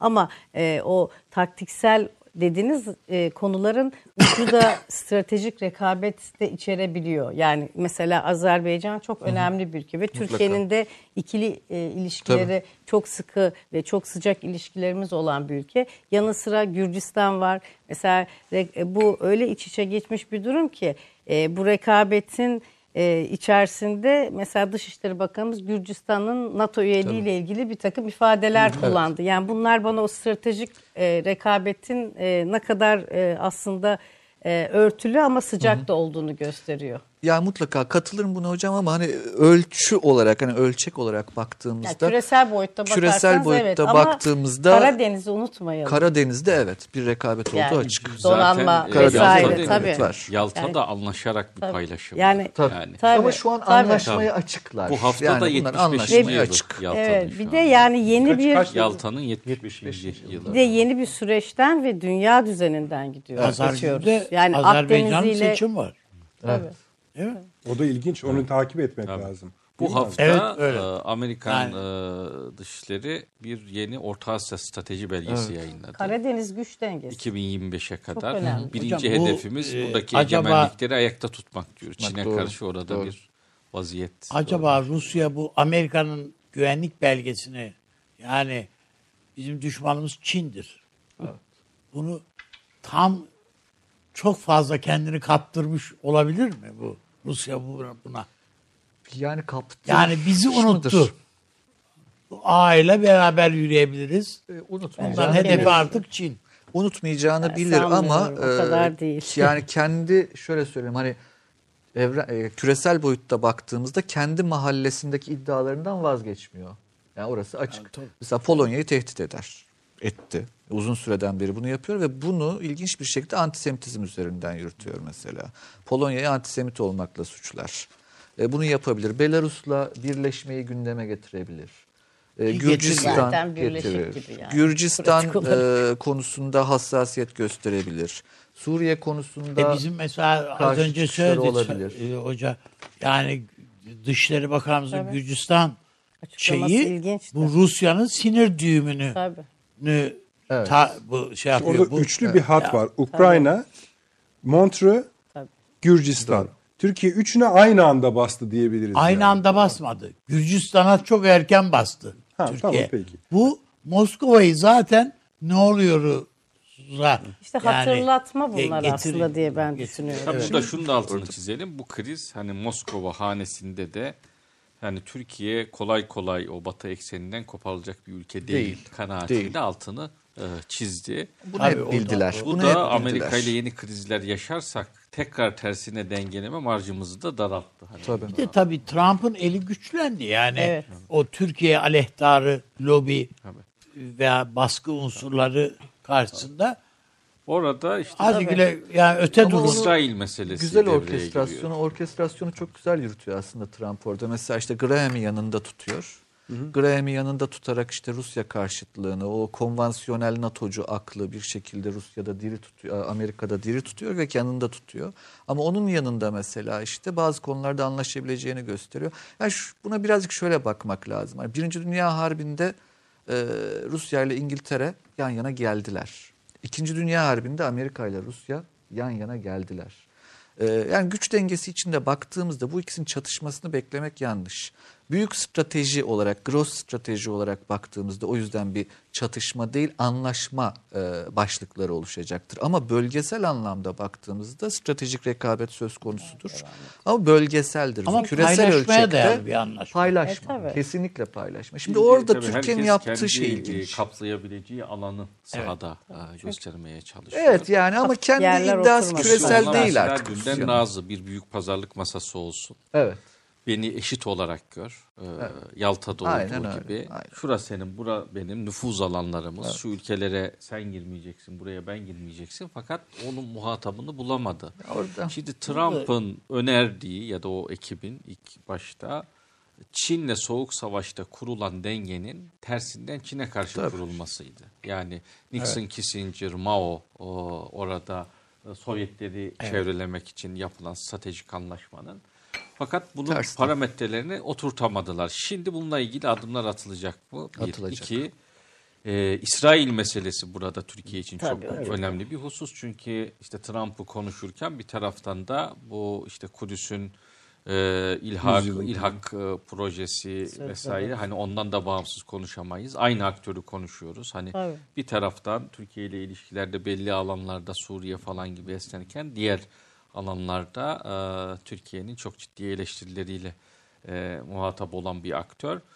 Ve bu gidişatında hani merkezinde işte Orta Doğu, NATO'su vesaire filan denen hikayenin de merkezinde İsrail'i düşünmemiz lazım.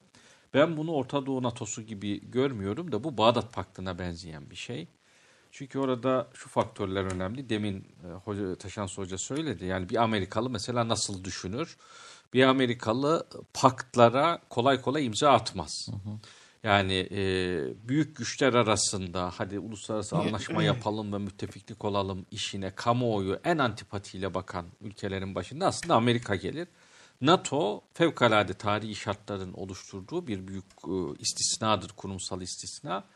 O yüzden mesela Suudi Arabistan'la bu kadar yakın ilişkisi olmasına rağmen oturup onunla İran sana saldırırsa ben seni kesin korurum diye e, kağıda imza atmaz yani. Amerikalılar.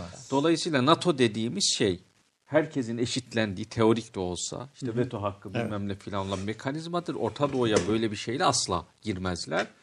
Orada olacak olan şey Bağdat Paktı'na benzer bir mekanizmadır. Bölge ülkelerinden belli bir hatta e, buluşturulabilecek olanlar ortak tehdit sayılan aktöre karşı desteklenir, örgütlenir, bir araya Yani gelmeleri NATO, Orta temin Doğu, edilir. NATO Middle East denilen şeyin nasıl olacağını tarif Tabii ediyorsunuz de değil olursa böyle olur. Şartlarını da söyleyeyim. Şartları da böyle olur ve İsrailsiz Peki olmaz. o, şimdi bak Nurşin Hoca dedi ki bunun olacağını zannetmiyorum Tabii. dedi. Yaşayacağını Ha, sanmıyorum yaşayacağını, böyle bir şey. ortada bir bebek yok Doğru. yani ama. E, Yani yok Yani deneniyor çünkü Ha, şu bu anda neden çıktı o zaman? ittifak denen İşte şey o yok. küre Esnek vesaire filan biraz daha çok silah alsınlar. Olabileceğini düşünsünler. Kaynaklarını seferber etsinler. Parayı onlar harcasın. Tabii. Ve ama e, yani bunun merkezinde e, şu Arap ülke yani Körfez ülkeleriyle İsrail arasındaki köprülerin kurulması vardır. Bu onunla bağlantılı bir vaattir. Hocam son şeyde e, bu Birleşik Arap Emirlikleri'nin siyasi aktörleri Beyaz Saray'da İsrail Üçlü bir araya geldik Gelmektedir. diye Bu- açıkladılar. Bu e, ABD'nin Orta Doğu'da İsrail'i kayıran siyasetinden İsrail merkezli bir Orta Doğu düzenine doğru aslında geçişi ifade ediyor. İşte Ee, NATO Middle East dediğin ne olacak? Yani hani ama e, işte şeyden farklı öyle Tamam. söyleyelim. Ee, Canım, ne koyarsanız koyun. Ee, bir e, güvenlik taahhüdü e, öngörüyor. O işte kurulacak olan ortak şehirler filan vardı bir ara projeleri. Ay zaten. NATO'nun, e, İsrail- öngörüyor. Şöyle yapalım bence Nurşin Hocam. İsrail merkezli kelimesini biraz üzerine onun bir düşünelim. Bu arada Avni Bey'in bahsettiğini ben seyircilerimize de paylaşayım. Aralık ayında abi Beyaz Saray'da Amerika Birleşik Devletleri, İsrail ve Birleşik Arap Emirlikleri'nin İran'a karşı bir toplantı yaptı. Evet. Ve bu toplantıya işte şeyin e, Birleşik Arap Emirlikleri ve İsrail'in büyükelçileriyle e, şeyin e, ulusal Herhalde güvenlik güvenlik uzmanları katılmış. katıldı. Yani bu öyle sıradan değil, yani şey değil, bir şey değil. Bir kere başkaca her türlü zaman zaman bundan sonra da bir araya Birleşik gelebileceklerini Arap söylemiş. Emirlikleri İsrail saldırmazlık paktı Evet. konuşulmuş. Evet. İşte şimdi İşte bu bunu- pa- Tabii ikili size ilişkiler. pakt. Ya biz mesela Rusya'yı konuşuyoruz. Tamam elbette bir süper güç, bir büyük güç. Ona şüphe yok. Ama Rusya'nın çok ciddi ekonomik zorlukları var. Kendi Tabii, içerisinde ek- siyasi problemler de var yani. Bir anda öyle adam şey devam ediyor işte. genel Etsin, ben de bakılacak bir şeyler söyleyeceğim. Tam süper güç mü aslında o da tartışmalı biraz. Ya Belki süper güç değil yani, büyük güç. Bölgesel Büyük güç, güç olarak diyelim. Elinde 7 bin değerlendirmek tane nükleer silah olan herkes süper güç. Öyle nükleer silahları var ama ekonomisi çok zayıf ve aynı zamanda yani belirli bir şekilde kendi iç reformunu gerçekleştiremeyen bir ülkeden bahsediyoruz ama bütün bunlar çok önemli ol- olmadığı anlamına gelmez. Özellikle Türkiye açısından çok önemli olmadığı anlamına gelmez. Ya ben ısrarla bunu söylüyorum. Uçak krizini ne olur hatırlayalım. O hassasiyetle yaklaşmamız gerekir. Çünkü bizim müteahhitlerimizin çok büyük işler aldığı. Doğru. Turizm açısından bizim açımızdan çok önemli. Tabii canım, Bakın öyle. gerçekten hani domates, sebze ihracatı değil. Bunlardan çok daha fazlası ortak evliliklerin Domates olduğu. dediğiniz Avni Bey üzerinde. Ee, yo yani bu Evet, şey doğru. e, şöyle söyleyeyim hani e, o anlamda bizim de hassasiyetle bakmamız gereken ama e, tabii ki doğal olarak o hassasiyet sadece e, üstüne titremek demek değildir. O hassasiyet gerekli dengeleri kurabilmektir. E, zannediyorum şu an olan şey de bu aslında. Bugün İdlib'e dair olan şey de o dengeyi kurmak, o dengeyi doğru yerine getirmek. E, şunu da bir e, söylemekte fayda var diye düşünüyorum. Ben e, Rusya'nın hiçbir zaman Türkiye kamuoyunda konuşulduğu gibi e, çok büyük bir Türkiye-Rusya e, stratejik ortaklığına inandığına inanmam. Yani gerçekçidir Ruslar her şeyden evvel. E, o çerçeveden basına baktığımızda söylenen şeylerin dışında Türkiye'nin bir NATO üyesi ülke olduğunu hep bildiler. O rekabet ve dengeyi tutturma yolunda bir e, siyasetleri vardı. Aynı şekilde Türkiye'de de buna karşılık. Hocam Doğru. bizde bir köylü kafası var. Onlarda da bir mujik kafası var. Yani Var, Böyle bakıyorlar olaylara. Daha kestirme yoldan. Şimdi Bu geçtiğimiz şeyi 200 söylemek yılı istedim. düşünün. Bizimkiler de bilir yani. Türkiye'de bilir ki Rus'tan dost olmaz. Çocuk şarkılar var. ya böyle. Sebebi şu yani Türkiye Valla bu konuşmaları yapıyorsunuz. Yani tamam ama şimdi bunun bir tarifi var. Bunu listeleri alt alta koyarız. Ortaya stratejik iki ülke çıkar. Stratejik ortak olan iki ülke çıkar. Ortak değil bak. Nasıl- O- nasıl ortak? Başka bir şey. Nükleer Yani santral Bir dayanışma. Avni Bey. Canım, Bölgesel tamam ya. dayanışma çok bir önemli. dayanışma bu. Yani şu anda Rusya ile çıkarlarımız burada bu konularda sadece Türkiye şey değil yani mevcut siyasi iktidar diye değil. Rahmetli Menderes'ten itibaren bu işin. Rusya ile çözüleceğine dair Ankara'nın bir stratejik kararı var. Bu karar stratejik bir karar ama biz Rusya ile biz NATO'dan ayrılalım veya NATO'yu boş ver olmuyor filan. Bu değil. Bizim ordu bile silahlı kuvvetlerde bile bu konuda bir zihin savrulması yaşanırken bile yani o biliyorsunuz biz artık NATO'dan çıkalım Çin'le, İran'la, Rusya'yla filan diye Milli Güvenlik Kurulu Genel Sekreterimiz de değil mi? Emekli olurken yaptı konuşmayı. Şimdi bu, bu, bu yani bunu devletin siyasi aklı böyle çalışmaz. Başka türlü çalışır. Onun için yani bu projelerin hepsi 1960'larda de- Demirel'lerde vardı. Bu, bu Özal'da vardı bu işler. Yani hepsi Rusya ile Rusya'yı göz ardı ederek siyaset yapmadılar. Doğru. Peki. Dengeleyici. Bir şey söyleyeceğim Tabii, burada. Rusların şuna dikkat etmesi lazım. Çok doğru burada ifade edilenler. Rusya ile ilişkilerimiz önemli ilişkiler efendim. Yani birbirini yakından tanıyan iki ülke ve e, gerçekten birbirlerini tanıyarak e, ve birbirlerinin çıkarlarına hassasiyet göstererek ikisi de çok yol alabilir. Ama şu anda yaptığı iş Rusya'nın Türk toplumsal muhayyilesinde bir şeyi canlandırıyor. O nedir? Türkiye nüfusunun büyük bir kısmı arkada koşan Rus ve kaçan muhacir kitleleri dedelerinden dinlediler. Şimdi Kırım'dan böyle kaçıp geldi insanlar.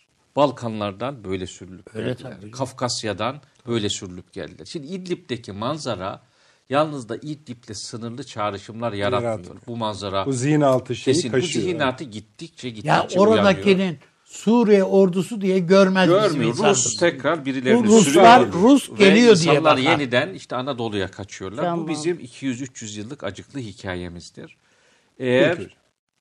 Bunların üzerine bir ortaklık yapılacaksa Rusya'nın neyi uyandırdığını yani e, Türkiye'nin hassasiyetlerini görmezden gelerek toplumsal muhayyilede neyi tetiklediğini iyi tahlil etmesi Etmesi lazım. gerekir. Onu biz onlara Yani- tavsiye edelim. Evet. Nurşin Hocam buyurun. Bu şeye geri dönmek istiyorum. Ee, bu e, NATO Middle East. Middle East. E, bu mevzuda hani İsrail odaklı dediniz ya. Mesela Birleşik Arap Emirlikleri ile İsrail arasında saldırmazlık paktı vesaire. Aslında e, bunun neden işleyemeyeceğini söylüyorum. Buradaki e, şu anda artık devir değişti. Hani pak falan yok. Esnek bir araya gelişler var ve sonra tekrar dağılıp başka esnek birliktelikler var. Dolayısıyla mesela Birleşik Arap Emirlikleri bu Aramco vesaire Suudi Arabistan'da vurulduktan sonra o kadar korktuk ki İran'dan. İran donanmasıyla birlikte istişarelerde bulundu, görüşmeler yapıldı. E, nasıl e, güven arttırıcı önlemler e, yönünde kararlar alınabilir denildi diye iki taraf arasında bir ilişki başladı. Yani bu hani İsrail'le saldırmazlık paktı olabilir ama Birleşik Arap Emirlikleri de e, İran'ı da göz ardı etmiş değil. Çünkü Körfez'de hemen yanı başında bir füzeyle işi bitebilir. Hocam bu paktın Öyle. Yani böyle basit bir şey var. Bu Ee, paktın dolayısıyla amacı hele şu şey Süleymani olayından sonra pardon efendim. bu paktın amacı İsrail'i bir şeyin içine sokmak değil. Tabii Aksine e, Arap Onları e, teskin ve etmek için. bunları e, etkisiz hale getirmek. Yani. İsrail karşısında bunları ve yelkenleri hep o ve o sağlamak. İran tehdidiyle bunları bağlı kıl- kılmak yani bir arada tutabilmek bu e, kurulan e, işte e, kuşakları. E, mesela işte Lübnan, Mısır diyoruz değil mi? Mısır da var bu e, şeyin Evet. içerisinde.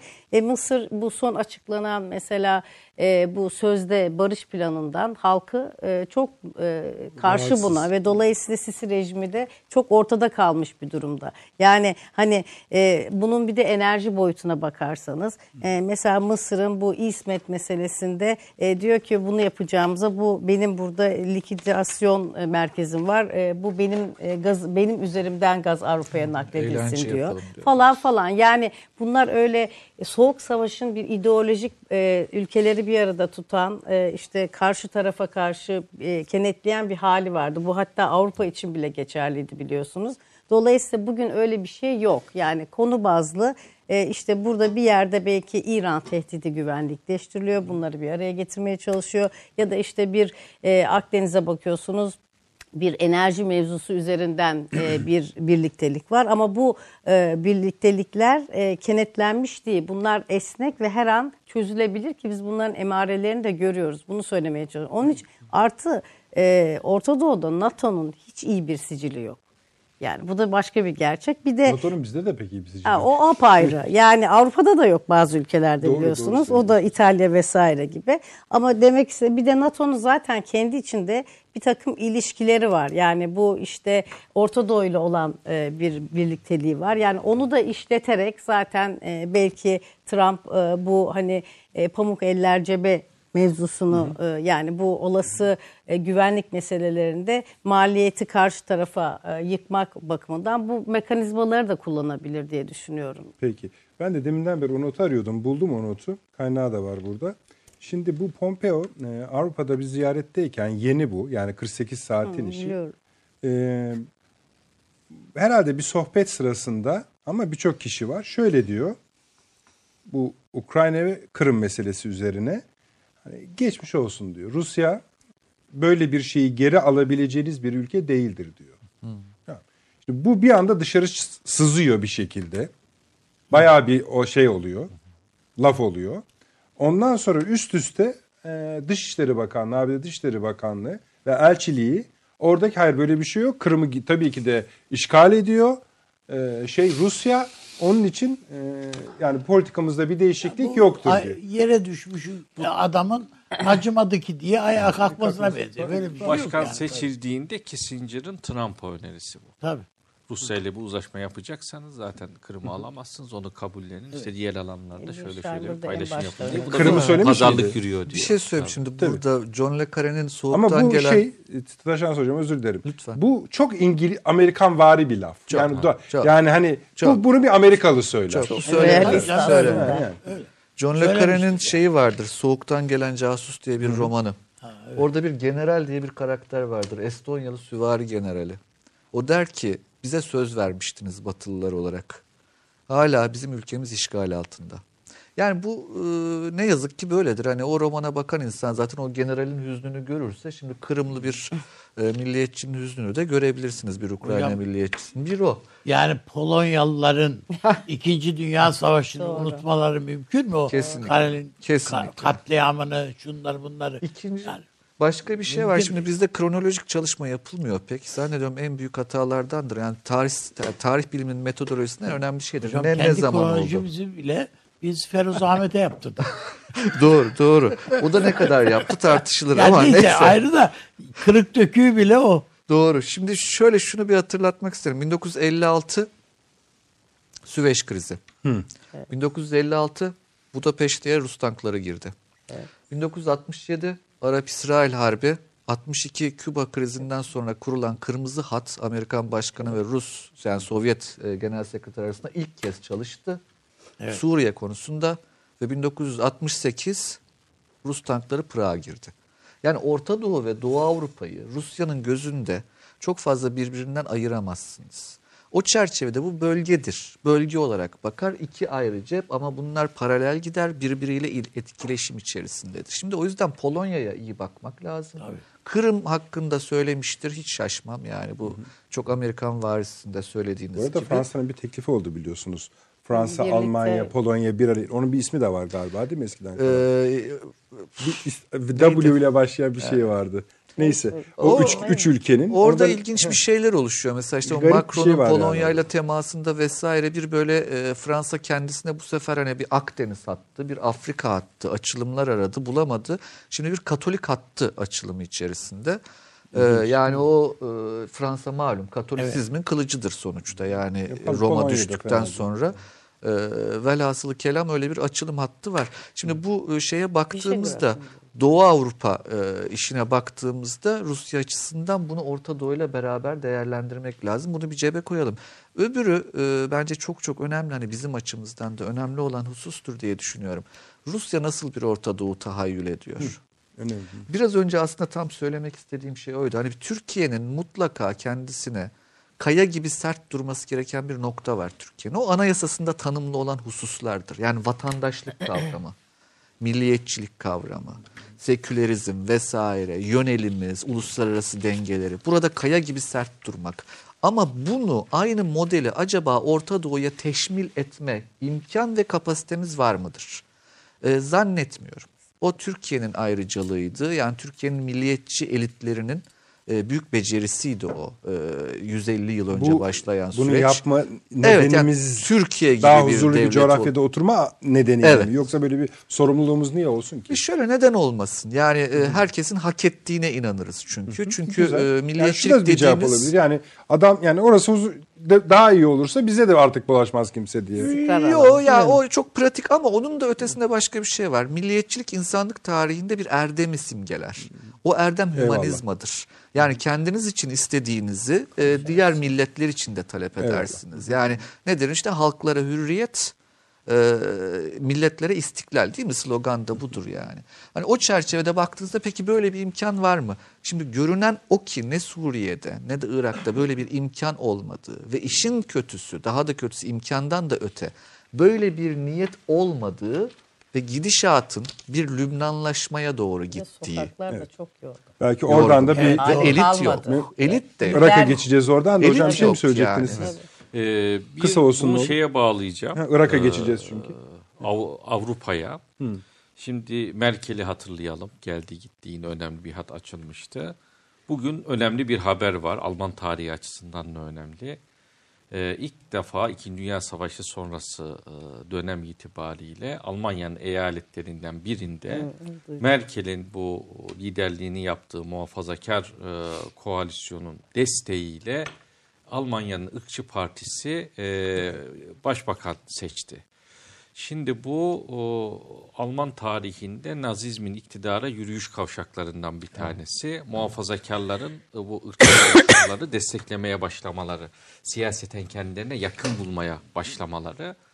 Kıyamet koptu filan ama bunun bir e, e, süreç olduğunu da görmemiz lazım. O işin bir ucu da İdlib'de. Onu demeye getireceğim. Yani buradan yeniden 1 milyon mülteci Avrupa'nın ortasına doğru gitmeye başladığında oradaki dengeler zaten ivmelenmiş olan dengelerin Daha da çok hızlı bir biçimde Rusya belki Avrupa stratejisinin bir ucunu da yani buradan işte 100 binlik milyonluk kitleleri Avrupa'ya doğru göndermek olarak da kurgulamış Çok olabilir. doğru, çok doğru. Çünkü kendisiyle daha yakın ilişkiler kuran o aşırı sağ partiler vesaire var. Onların oluşturduğu bloğa güç pompalamak demektir bu. Buradaki e, sivil kitlelerin üzerine düşen bombalar. O yüzden Avrupa'nın da e, hani gözünü dört açması, bu işi ufak tefek orada sınıra yani. ev yapma filan meselesi olarak görmemesi lazım. O elitler işte İkinci Dünya Savaşı'nda yaşanan o korkulu rüyayı vesaireyi değişik boyutlarıyla kendi ülkelerinde iktidardan olarak Bu Macron yaşarlar yani. mesela bunu o görmez mi? Valla diyorsunuz. Macron Hayır görmesi lazımları hiçbirisini görmüyor da yani bu nasıl görülemeyebilir? Bankacı. Yani bütün bir tek Abi ne kadar da- büyükse o kadar yani körleşiyorlar. Le Pen orada geliyor Pen yani geliyor. artık. Yani Macron'un artık bir daha seçilme şansı Hiç bile yok. sanmıyorum. Le Pen Yok. geliyor. E, Avusturya söyleyeyim öyle, İtalya'da öyle. Her yerde bu aşırı sağ Evet. kabarıyor değil mi? Yani Bir Türkiye çok- çok önemli kör etmiş Lazio mu hocam Yani bu İtalya'daki Mussolini'nin takımı? Irkçıların takımı, faşistlerin Yani takımı. evet. Yani şimdi gö- görüyoruz pankartlar mankartlar çıkıyor artık. Orada. Çok çok tehlikeli bir süreç Avrupa açısından bu ve e, şöyle mesela bizim 93 Harbi dediğimiz e, harbin çıkış nedeni nedir? Yani pek çok nedeni vardır ama e, en önemli nedeni bizim meşrutiyeti ilan etmemiz. yani Rusya şunu istemedi. Parlamentosuz tek devlet kendisi olmak istemedi. O parlamento kapansın diye istediği her şeyi yaptı. Bu yani ne bileyim işte kötü bir şeyiniz varsa size benzer başkalarının da olmasını istersiniz. Dolayısıyla Avrupa'da yükselen ırkçı hareket e, açıkça destekleniyor Rusya tarafından. Milliyetçilik destekleniyor. Yani hocanın belirttiği gibi bu göçün e, bir şekilde hızlandırılması Avrupa'ya e, Rusya'ya getirilebilecek olan eleştirilerin pek çoğunun altını boşaltıyor aslında. Yani bu kültürel ve ideolojik anlamda bir o e, Batı'nın hegemonyasını sarsmak için önemli bir araç olarak değerlendirilir, düşünülür. Mesela şey görüyoruz işte Le Pen'le çok yakın Putin. İnanılmaz yakın bir ilişki var aralarında Marine Le Pen ile. İtalya'ya bakıyoruz mesela Salvini ile. Çok yakın bir ilişki var. Ama burada ilginç olan başka bir nokta Trump'ın da bu ilişkinin içinde olması. Ama ilginç olan nokta Netanyahu'nun bunun içinde olması. Şimdi ırkçılık dediğimiz şey Avrupa'da Evet, evet, evet. antisemitizm demektir. Hani klasik ırkçılık antisemitizm demektir. Fakat Av- bugün Avrupa'da çok ilginç bir şey kovsunlar var. İsrail'e gelsinler çünkü ben buranın patronuyum diyor. Yani şöyle bir şey, e, antisemitizmden e, çok bahsetmeyen ama bunu anti-İslam ile ikame eden bir yeni ırkçılık tarzı yükseliyor Batı'da. Bu Amerika'da da Avrupa'da da böyle. Bu tehlikeli bir süreçtir bu. E, ama zannetmeyin ki yani Batı birdenbire antisemitizmden kurtulabilir. O çok köklerdedir yani. e, Batı'yı batı yapan önemli hususlardan bir tanesidir. Orada da hocanın söylediği şey mesela Hagana ve Irgun arasındaki temel tartışma İsrail devleti kurulmadan önce Yişu döneminde e, Irgun'un e, çok da şikayetçi olmamasıydı Yahudilere yapılan zulüm konusunda Tabii, hatta Avrupa'da. onu varlık sebebi gerekçe gösterdi. Nüfus çünkü Yahudiler Siyonizme inanmadılar. Çünkü Mesih'in gelmesi gerekir ki İsrail devleti kurulsun. Ben Ama neden şimdi gideyim Mesih- dediler. Yani Mesih'i hiç böyle bir şey. oraya şimdi, herkesin- bak söyleyecek işte ben Şöyle biliyorum. bir şey var. Yani bu Auschwitz'i daha 15 gün bir ay önce herhalde değil mi? Yani Suudi Arabistan'ın müftüsü Tabii. ziyaret etti. Yani daha ne söylenebilir ki? Ya- Ya, aynı müftü belli mi? Aynı. Gerçi o Kudüs müftüsüydü ama Evet. e, Hitler'le pazarlık yapıyordu. Hacı Emin el Hüseyini tabii. Evet. Yani işte orada bir önemli bir şey söyle eklemek isterim. Bu çok önemli bence. Türkiye'de takip etmiyoruz bunu. Yad Vashem vardır bu. Tevrat'tan bir alıntı iki kelime. Ee, Holocaust Müzesi'dir İsrail'de. Şimdi bütün Evet, bu öyle. e, şeyin toplandığı, dünya liderlerinin toplandığı, Putin'in Putin'in de gittiği iki hafta evvel öyle hatalar yapıldı ki Holocaust'a dair orada. Tanıtım filmlerinde, afişlerde vesaire ve Yad Vashem yönetimi dün özür diledi. Resmi bir özür bu. Yani bu inanılır bir şey değil. Şöyle söyleyeyim. Ne bizim bir çıkarmalıyız bundan? şun, bundan şunu çıkarmalıyız. İsrail'de bile Holocaust kavramının İş- içinin yavaş yavaş boşalmaya Ka- başladığı. kab- Ve bakın bu çok değişti yani tehlikelidir. Ama o ayrıcalığı Olay. bir süredir kaybediyordu Avrupa'da da kaybediyordu zaten. Şöyle ama bizim bildiğimiz dünya yani Soğuk Savaş dönemi ya da İkinci Dünya Harbi Her şey sonrası değişiyor kurulan dünyada o. bir tane constant vardır. O sabittir. Ve o sabit üzerine biz ahlaki sistemimizi ve uluslararası sistemi inşa ettik. O da Holocaust'tur.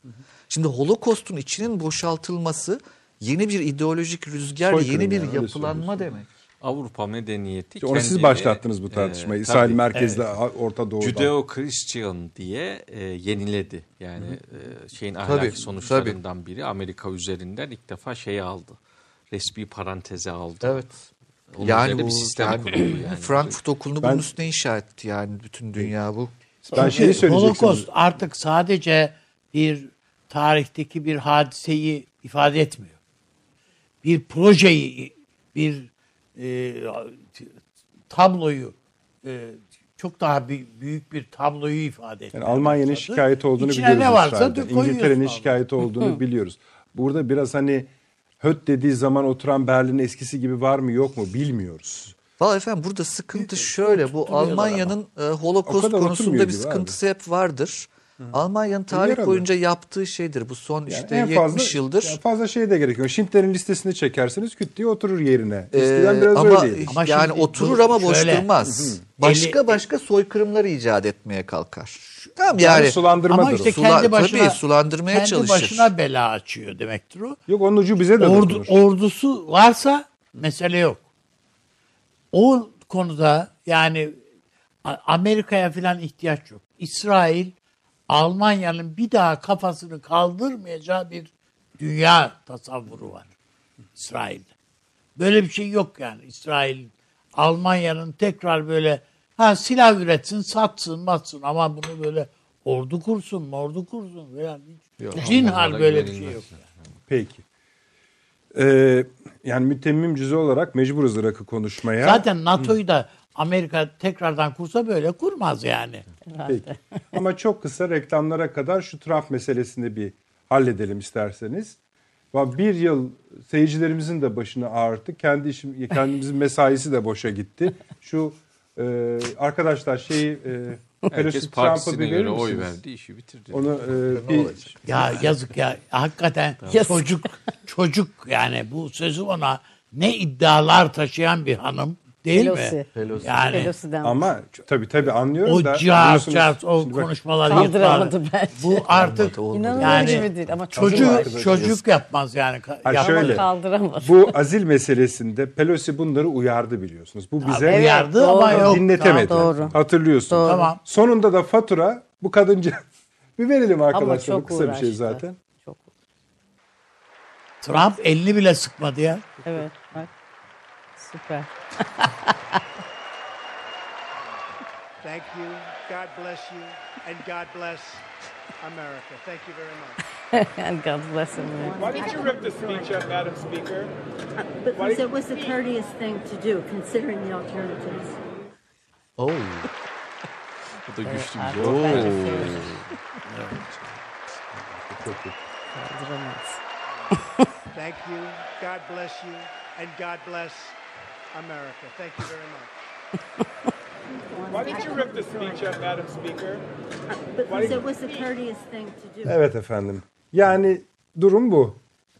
Yani acınası bir hal. Ama cevap fena değildi şey. Yani hani daha bir felaketini de yapardım da. Hani I bu en was kibarıydı. Yırtmak yani. Evet tabii demek. doğru ama kibar mesele o değil. Çaresizliğin ifadesi Tabii. bunlar. Ve bitti. Tabii. Bitti. Yani iki tane engel gözüküyordu. Hatta bu birinci engelse ikinci engeli etkileyebilecek. İkinci engel seçimler. Evet, önümüzdeki evet. seçimler. Ona bir fatura ve şimdi bu birinci bölüm ta- bitmiş oldu.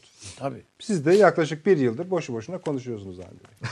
Evet hepimiz konuşuyoruz. Peki. Evet. Burada söyleyecek bir şey varsa sadece Trump'ın elinin biraz daha güçlendiğini, meselelere bakarken Birazdan fazla. işte seçimler için diyorum onu. Yani rahatladı. seçimler için uluslararası siyaset alanında çünkü Trump'ın azledileceğine ciddi ciddi inanan Türkiye'de de inananlar vardı yani böyle saf dillik parayla değil. Ne, ne, ne konu? Adayları da biliyorsunuz söyledik. Ha, tabii. Tabii. Peki. Reklam mı arkadaşlar? E hadi efendim gidelim sonra Irak'la döneceğiz inşallah. 30 saniyelik reklam arası. Postumuzu serdik. Post Öykü 2014'te bu sloganla matbaanın yolunu tuttu. Öyküyü merkezinde tutan dergi, kurmaca metinler, makaleler, incelemeler ve röportajları da sayfalarına alıp iki ayda bir satış şubelerinin raflarında yerini alıyor. Şimdi siz bu kaydı dinlerken Post Öykü dijital dünyada da yeni bir öyküye imza atıyor. Atölyeler, ilginç dosyalar ve yazarların mutfağında olup bitenler. Tüm bunlar ve daha fazlası sayfalardan ekranlarınıza taşacak. Post Öykü ve GZT'yi sosyal medya mecraları üzerinden takip etmeye başlayın. Reklam arası sona erdi. Akıl Odası devam ediyor efendim. Ee, Anne abi çok kısa şu şeyi de değinelim de. Çünkü orada Dışişleri Bakanlığı biliyorsunuz Avrupa Parlamentosu şöyle bir şey yaptı. Ee, PKK, YPG, PYD yöneticilerinin katılımıyla bir sözde Kürt konferansı Evet. düzenlendi. Türkiye buna çok sinirlendi. Ee, şiddetle lanetledi, kınadı. Ee, biraz daha okuyayım. Evet. Ve orada yani Sayın Cumhurbaşkanımıza yönelik ifadeler de olmuş. Bu da tabii oldukça kötü. Bu Avrupa Parlamentosu'nun ya da işte Avrupa'nın veya işte Avrupa Birliği'nin bakışlarını göstermesi açısından da ama bizim için sürpriz olmayan bir şey. Elbette sürpriz değil. Ama yeni de değil. Yeni de değil. Yani Tamam. Avrupa Parlamentosu Bunu yapar. E, koridorlarını kimi zaman sergi salonu gibi kullanıyorlar. Konferans salonlarını olabildiği kadar işgal ediyorlar. Efendim işte o militanlar özellikle o kadın militanlar filan işte makyajlarını filan yap gidiyorlar. Aa bunlar ne romantik kadınlar filan diye. Bakıyorlar filan. Ya bunla, bu şovları yapıyorlar. Ama bunların arkasında işte e, İsviçre var, e, Be- Belçika var, Fransa var. Yani o o yapı zaten bunlara kol kanat geliyor. Durup dururken parlamentoya birileri gelip de hadi biz burada bilmem ne yapacağız demiyor yani. İzinler bilmem neler şunlar bunlar falan var. Ama bu iki şeyimiz var. Biri burada izah şöyle getirebilirim. Birincisi PKK bütün Avrupa'yı sadece Avrupa Parlamentosu'nu değil bütün Avrupa'yı Fransa'yı, İngiltere, Almanya'yı hepsini Belçika'yı hele hepsini tehdit ediyor. Ya burada öyle olaylar çıkarırız ki başınıza yeni bir bela gelir yani burada. Ya Fehriye Erdal parmağında oynatıyor ya Belçika'yı. Ne diyorsun? Yıllardır. Tek başına. Dolayısıyla yani bir etki bu. İki, Türkiye hala meselenin yani kendisiyle alakalı yani yapması gerekenleri yapmaktan uzak. Bizim hala öyle etkili bir şeyimiz yok orada. Aydınlatıcı falan filan bunun ne, ne menen bir belayla karşı karşıya olduklarını kimsenin ya anlatabildiğimiz yok. Ha dinlemeye hazırlar mı? Hayır olmayabilir. Ama şu var. Eskiden ben yani belki yeni gazeteci arkadaşlarım falan bi- bilmeyebilirler ama şu rahmetli Ecevit'ten biliyorum. Ee, dediydi ki New York Times'ın baş yazarı Weinberger'di herhalde. Tam hatırlamıyorum da. da bu alabalık avını seviyormuş. Türkiye'ye davet ettim dedi. Bülent Ecevit gibi bir adamın özel uçakla New York Times'ın başyazarını Türkiye'ye davet ettirip Van'a götürttürüp kendisi eşlik etmesi. Düşünebiliyor musunuz Bülent Ecevit'i elinde oltayla falan. Yani hiç olacak gibi değil gibi görünüyor. Şimdi diyeceğim ben hani bu Sayın Cumhurbaşkanımızla ilgili söylemiyorum sadece. Yani Türkiye'nin artık pek çok bu manada ilet Batı'yla, Batı dünyasıyla iletişim kurabilecek filan aktörleri, insanları var yani işte e, Dışişleri Bakanımız golf turnuvalarına katılıyor filan artık. Değil mi? Yani bunun gibi şeyler var. Yani bu, bu, bu insanlarla bir şekilde zeminlerde beraber olacaksınız yani. Çağıracaksınız. Bu uluslararası kamuoyunu oluşturan aktörler bunlar. Ve belli yani işte CNN'de kimler var, en, efendim, New York Times'ta kimler var, Washington Post'ta, Los Angeles Times'ta, Le Monde'da filan neyse işte. Yani. Kimler var belli. Türkiye'de hiç şöyle böyle bir gazeteci yani elit üst düzey bir gazeteci grubunun Türkiye'ye ge- gelip bir takım Türk parlamentosunda filan bir takım şeyleri temasları ayarladık ayarladığımızı düş. Hatırlıyor musunuz? Ben mi hatırlamıyorum acaba? Yapıldı. Bir özel döneminde belki bir olmuş. Hayır, şimdi de- ha, yani ben şimdi için söylüyorum. Peki abi işe yarar mı bu? Yani siz kendiniz söylüyorsunuz. yani Adamlar yarar ya bak en azından bir, bir meseleyi anla yani e, siz hala deve yiyor musunuz yemiyor musunuz dediler ya Türkiye'ye. Bu esasında şunu söylüyorsunuz. Avustralya'daki develerle alakalı. E size gönderseler siz deve yiyorsunuz değil mi dediler ya. Esasında şöyle diyorsunuz. Siyasi yapısı yani Avrupa Birliği'nin dış politikası e, bunun ne olduğunu zaten biliyor. Onları etkilememiz çok önemli değil. Ama, Ama halkı Avrupa, hayır ama kamu şeyi Ha. basını Kamuoyu. Basın işte yani de kamuoyu yani. Kamuoyu. O onu çözebilir. Efendim mesela hani Yani yolları bunu, var. bunu Sultan Hamid farkında. Avrupa Abdülhamid- basınını kont- nasıl kontrol edeceğinin farkında. Bu işi yani Abdülhamit bu, bu işi böyle götürmüş senelerce. Hani bir de Farkında bi- biz et- olmayacağız Tabii. yani. Hiç. Etkili olacak şeyler var. Mesela şimdi diyoruz ki bir sürü uluslararası rapora geçmiş. PKK Suriye'nin kuzeyinde e, çocuk yaşta efendim insanları ailelerinden alıyor, silahlandırıyor ve bunların aileleri itiraz edince baskı görüyor. Türkiye'ye kaçıyorlar. Buradan bir grup alın, Avrupa Parlamentosuna gidin. Dolaşın kapıları anlatın. Hocam yani Hani bir sürü bunları al- gerçek yani insanlara alsan şu mültecilerin hikaye kamplarına götürsen. filan. Yani, Yani kamp- ol mültecileri oraya götür.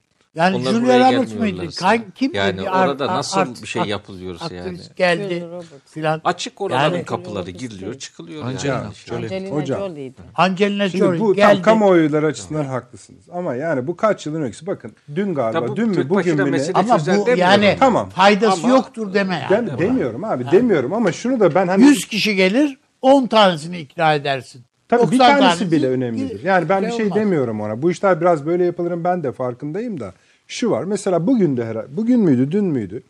Ee, Sayın Dışişleri Bakanı Avrupa Birliği Büyükelçilerini Evet. e, ile bir toplantı yaptı. Hatta bugün gazetelerde de var demek ki dönmüş. Avrupa e, dedi yeni bir şey yapalım. Hani bakın bu işler sıkışıyor. Arkasından- Ve bu açıklamanın günü Ar- oluyor. Evet. Yani o açıklamanın günü. Yapalım diyor. E tamam yani ben, ben, ben bir şey demiyorum. Tamam. Yani ben bunu bu arzu yok de, diye söylemiyorum. Onun için demedim yani abi. Bizim yani bunu illa devlet yapmasına gerek yok yani. TÜSİAD'ı var, müsiyatı var, şusu var, Türk işi var, bilmem Türkiye'nin büyük medya grupları var. Yani Ama bunların bir sadece siyasi ve devlet tarafını söylüyorum. Yani şu açıdan. Orada da ya konuştuğunuz zaman şöyle diyorlar bütün Avrupa ülkeleri. Aa tabii ne demek birlikteyiz bilmem ne bir takım sıkıntılarımız var. Bak devlet Aşacağız. katını söylemiyoruz. Tamam ya abi, ona cevap vermiyorum. Ben genel bir şey söylüyorum. Basından söz ediyorum. ben. Tamam bir şey demedim size söylemiyorum zaten. Ee, yani o biraz şey yapıyor demek istiyorum. Var mı bu konuda yoksa rakam Yani şey- Doğu Perinçek meramını anlattı ve ka- davayı Doğru, kazandı ya. Doğru. Yani bu Türkiye'de çok fazla büyük e, şey desteği, seçmen desteği, şusu ve hatta kişisel bir destekte, popülaritesi de çok fazla şey desteği de arkasında ol- olan bir siyasetçi değil. Gitti bu kavgayı verdi tek başına ya. Bunu yaptı. Ya Ben de şeyi söylemek isterim. Yani akıl akıl dünyası dışında bir de duygu alanını yönetmek de önemlidir e, siyasette. Şimdi Netflixçilerle bir toplantı yapmıştık. Onlar e, yani ben şunu söylemiştim özellikle neden böyle serials, diziler önemli? 19. yüzyıl gibidir aslında. Tefrikalar vardır o dönemde de biliyorsunuz. Büyük romanlar, grand novel denen şey önemlidir. Romantizme tekabül eder insan zihniyetinde. Romantizm dediğiniz şey de milliyetçiliğe ve milliyetçiliğin cazibesine hitap eden dönemlerdir. Yani, yani pardanyanlar gibi bir şey bu iş. Onun altına baktığınızda da Schiller'i görürsünüz mesela altın yürekli hırsız. Hani e, izleyiciye garip gelebilir ama suçun ve suçlunun övüldüğü belli dönemler vardır dünyada. Bunların özgürlük timsali olduğu vesaire. Şimdi bu duygu alanını iyi analiz etmek gerekir. E, şimdi çok haklı olabilirsiniz. Haklılığınızı gösterebilirsiniz akıl yoluyla. Ancak siyasette bir yerde o cazibe dediğiniz şey de önemli. Türkiye o cazibe işini biraz atlıyor. Yani ona mutlaka özel önem gösterilmesi gerekir. Türkiye'nin e, hangi hususlarla şu cumhuriyet dediğimiz şeyin nasıl bir cazibe yarattığını. Mesela işte Türk televizyon dizilerinin Orta Doğu'daki etkisi. O kadar önemli bir olay ki aslında. Ama Orta Doğu'daki Çok etkisinin bir yanında peki Avrupalı sıradan Avrupalı için Türk ne demektir? Bu cumhuriyette neler olur neler biter? Nasıl bir erdem vardır burada? Bunu anlatmak. Bu, bu çok çok önemli ve onların akıl ve dünyası değil sadece. Duygusal dünyasına hitap edebilmek önemli. E, o anlamda her zaman için İngilizler der ya bir İngiliz e, bütün diplomatik görüşmelere bir sıfır yenik başlar. Çünkü imparatorluk bakiyesidir. Türkler için de benzer bir cümle kurulabilir. O 1-0 yenik başlamaya rağmen e, sizin sadece akıl yoluyla değil duygular yoluyla da buraya dair güzellikleri ve beğenilebilecek hususları ortaya koymanız gerekir. O da zannediyorum hani e, bahsetti Avni Bey Üstadım hani Abdülhamit Hanlığı geçin öncesinde David Urquhart diye bir İskoç vardır. E, sadece e, etkilemedi Britanya Aa, Başbakanını. Marx'ı etkiledi. Marx orada uzun uzadıya yazar mesela devamlı. Aman Türklere sahip çıkalım diye ve mesela Avrupa'nın reform taleplerini eleştirir der ki ya bu Avrupalılar reform baskısı yapıyor Türklere. Türkler yaptıkları her reformun sonucunda devletlerini güçsüzleştiriyorlar ve bu Rusya'nın işine yarıyor. Ve Türkiye tarafından bakar. Şimdi bu o duygusal Türkiye durumu yaratmak önemli farklı kesimlere. dünyanın devrim umudu biter diyor. Tabii Tabii, tabii. Rusya Türkiye'yi yutarsa Türkiye O yüzden bu Siz iyi bu bir analiz konuşmayın. gerekir. Siz bu konuda konuşmayın. Siz Irak'a girin. Irak'tan devam edelim. Ama şöyle Yani e, hocanın dediği şöyle yani Amerika dediğin evet Trump Trump ama yani işte Avrupa müttefik kuvvetler bilmem nesi filan filan ama biraz da Madonna, biraz da tabii, bilmem tabii, tabii. e, Hollywood, Tabii. biraz da Justin Bieber filan gibi. Biraz bu. İtalya dediğin işte Sylvie Vartan falandı yani değil mi? Ya biraz önce bahsettik ya mesela Faust'un girişinde bir tartışma vardır. Ozan'la Palyaço'nun tartışması. ya bu konuşmaları yapıyorsunuz bakın. Şunu bir bitireyim.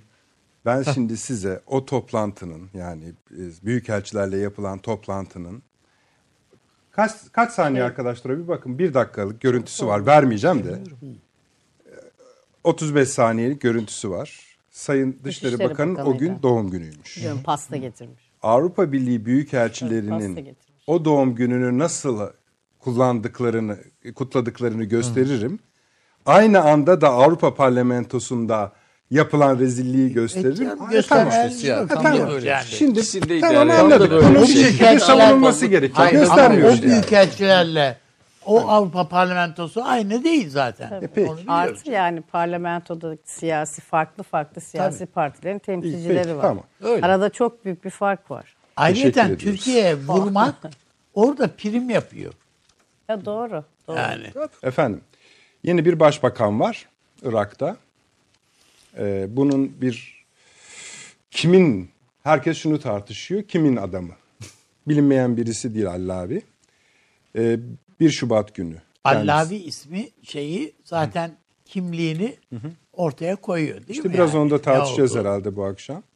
1 Şubat'ta görevi aldı. Bir ay içinde de Sokak. değil mi Nurşin Hocam? Şey, Sokak gösteriyor. şimdi Naçivan Barzani yani başbakan. Orada yalnız hükümet kurmak çok zor.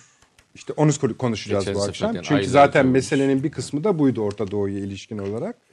Ee, buna destek verdi. Tabii. Ben dedi Daha destekliyorum. doğrusu Amerika'da destek. verdi. Şimdi bir, orası biraz tartışmalı abi. Ona bakacağız. Ee, bugün dün öyle bir ses çıkmıyordu. Sadır da destek verdi. Ama sokaklar. Evet işte bu arada da ben fazla bilgi vermeyeyim zaman kalsın. Protesto devam ediyor. Ve şöyle bir şey var. Bizde bir zamanlar başka Gezi'de falan sorulan şeyler devam ediyor orada da söyleniyor. Diyorlar ki bu hareketin lideri kim? Yani bu protesto eylemlerinin. İki, ne istiyorsunuz kardeşim? Çünkü ilk talep etli, taleplerinden kopmuş gitmiş bir öykü var. Ne talep ettiklerini kendileri de tam bilmiyorlar. İki tane şey söylüyorlar bugün. Vay işte Allavi geçen hükümette vardı burada olmasın. Biz demokrasi istiyoruz. Hayır hayır. Allavi'nin temsil ettiği şeyi Güzel. önemsiyor. O zaman oradan başlayalım. Neyi değil. temsil ediyor? Anarşi demokrasi değil. Yani ondan onu bilmesi. Anarşi demokrasi değil yani. Evet. Şimdi bu devam ediyor. Bunun durmayacağı. Ya bu bir kere Talabani döneminin de adamı. Değil mi Allavi? Yani Allavi dediği orada Alevi manasında onu kullanılıyor. İyad Allavi vardı. Değil mi? Yani İyad Allavi falan o, o dönemin. Yani birbirine adam. Ha, İran da destekledi bu arada. Tabii Ha? onun üzerine söyleyeyim. Des- Söylemek istediğim şu. Öyle herkesin adamı olunmaz zaten yani. Öyle bir şey yok. Orada ip kopar nasılsa. Şimdi hani adam ortada kimin kucağına oturacağını ki daha görmedikleri için şimdi destekliyorlar. Ama eninde sonunda bu e, gider Amerika'nın kucağına oturur bu. Bu iş. Bu iş orada biter. Ben diyorum ki İngiltere'yi küçümsemeyin. Yani Amerikan demeyeyim de hadi İngiltere. Batı diyelim. Kır, Şimdi e, küçük orada- olmayın abi. Şimdi Sağ, şey yapmam yani. zaten. sorun kim Hayır olmaz demem yani. Tamam, eyvallah. Sağ olasın abi. Kimi- Şöyle yapalım. Bu sen tabii, geçelim size. Teşekkür ederim. Fark etmez. Buyurunuz. Ya bence e, Irak'taki istikrarsızlık e, devam edecek. Yani bu sadece başbakanla belki onu e, göstererek yapılıyor yani point out ediliyor. Ama onun ötesinde bir defa bu Süleymani meselesinin de ben bakiyesinin olduğunu düşünüyorum. Yani bu sokaklar ne istiyor diyorsunuz ya. Evet. Orada e, aynı zamanda diğer komutanın da öldürülmüş olması e, aşağıda belirli Mühendisi, grupların el evet el mühendisin belirli grupların boş boşta kaldıklarını yani bir e, bir mutsuzluk olduğunu da ben düşünüyorum. Bu aşağıda tabanda sokaklarda gördüğümüz şeyler. E tabi uzun bir zamandır da burada bir istikrarsızlık süre geliyor. Ama onun ötesinde büyük güçlerin yani bir yandan İran etkisini işte dışarı atmak yani Amerika'nın e, planı bu değil miydi uzun bir zamandır. E, biz varız orada bir şekilde. E, dolayısıyla bence o anlamda bu e, Irak üzerinden e, bölgeye de yönelik bunu uzatabiliriz. Suriye ayağı ve diğer tarafları da çekebilirsiniz. Bu e, jeopolitik mücadelenin merkezinde uzun bir zamandır Irak. Yani Çok bunu önemli, belki evet. 2003'e kadar da götürebiliriz yani hani. E, bir şekilde İleriye doğru da götürebiliriz bence. ileri de götürebiliriz. Yani oranın e, şirazesi bir şekilde oturmayacak. Yani şu anda onu Öylesini gösteriyor. istiyorlar. Efendim? Belki öyle olmasını istiyorlar belki. Ya belki de öyle demeye gerek yok. Bence Amerika'nın istediği zaten bu. Bu. Ama Yani Ankara'nın en önemlisi tavrı bu. ne? En önemlisi Ne bu. işaret Ankara'nın tavrı var mı? Er- ben yani bir şey du- bir duyduğum için söylemiyorum. Ha, anlıyorum. Yani eğer olursa Neçirvan'la yan yana durmak Ankara'nın çıkarınadır. Tabii. Yani çünkü buranın dağılması bizim lehimize bir şey değil. Yani buradaki bence büyük güçlerin yani başta Amerika'nın derdi Türkiye'nin oranın toplaması is- gereken Tabii. Kuzey Irak. Tabii e, ama işte e, o is- istişareler, görüşmeler vesaire e, tabanın da Irak'ı yani çok siz, de- siz dediniz ki mesela işte gezi gibi. Yani o istikrarsızlığı bir şekilde Onu tetiklediler de. vurgulamamın sebebi şu birçok uluslararası yayın diyor ki bu protesto hareketlerinin Amerika tarafından tetiklendiği çok açık diyorlar E, ve bu devam tabii, edecek diyorlar. tabii. Allavi kursa da hükümeti kurmasa Tabii da belli devam zaten edecek. görünüyor yani ama ne istiyor de, Öyle. e, o Adam. yani e, Irak'ta İstemiyor. Belki de istemiyor işte yani. Bu sizin dediğiniz gibi Nurşin Hocam. yani Böyle daha önemlisini söyleyeyim mi? Amerika'ya çık dediler çıkmadı. yani yani daha başka bir şey söylemeye gerek yok. Hayır, Parayı adam ne verin diyeyim? parayı diyor. Yani kendisi çık dediler. parasını Yani verdi, bağımsız bir de- bir devlet değil mi burası? Evet. evet. Sözde. Peki. Peki hocam. Bu kadar. Nurşin Hocam Hocam, bir not hak vereyim size. Şimdi bu eski başbakan 1 Ocak'ta görev şeyi devrederken e, 5 Ocak'ta parlamentoda bir konuşma yaptı. Bize tabii gelmez onlar. E, şöyle bir şey, olay anlatıyor. Bu sırada iki tane görüşme yapıyor Başkan Trump'la. Diyor ki onun ağzından şey anlatayım. İki telefon görüşmesi yaptım Trump'la. Bana söylediği şudur diyor. Bu protesto eylemleri sen gidene kadar bitmeyecek. Ve e, eğer sen bunda direnirsen Amerikan Deniz Kuvvetleri'ne ait bu Marine dedikleri bir grup var. Evet, öyle. Onun keskin nişancılarını biz konuşlandıracağız. Göstericileri teker teker vurmaya başlayacak. Zaten üstleri de yok. Bunu düşünün ki yani, Yani- bu Ya gerçek mi bilmiyorum ama bu orada? konuşmayı yaptığı gerçek. Yani Ee, böyle bir konuşma olmuş mudur Trump'la arasında bilmiyoruz. Kesinlikle olmuştur. Olmuştur Yani- diyor. İşte yani Trump'ın artık bir ülke daha ne olur? Yani Tabii. bir ülke buyurun bağlı. Taşans hocam sizden. Irak'ın önemine ait. Mehmet Akif hocam buyurun. Eyvallah. Olur Şimdi peki. şey- e, e, Rusya'dan gelelim demek ki Irak'a. Amerikalılar Rusya'nın ekonomisini dizayn ettiler. Şok terapiyle insanlar açlıktan öldü sokakta. Irak'ın anayasasını yaptılar. Müthiş oldu. Iraklılar sürekli birbirleriyle boğuşuyorlar. E, bu anayasayla, bu seçim sistemiyle, bu ekonomik düzenle e, Irak sürekli başbakan es, eskitir ama siyasi istikrarı bulma ihtimali yok. Neden yok?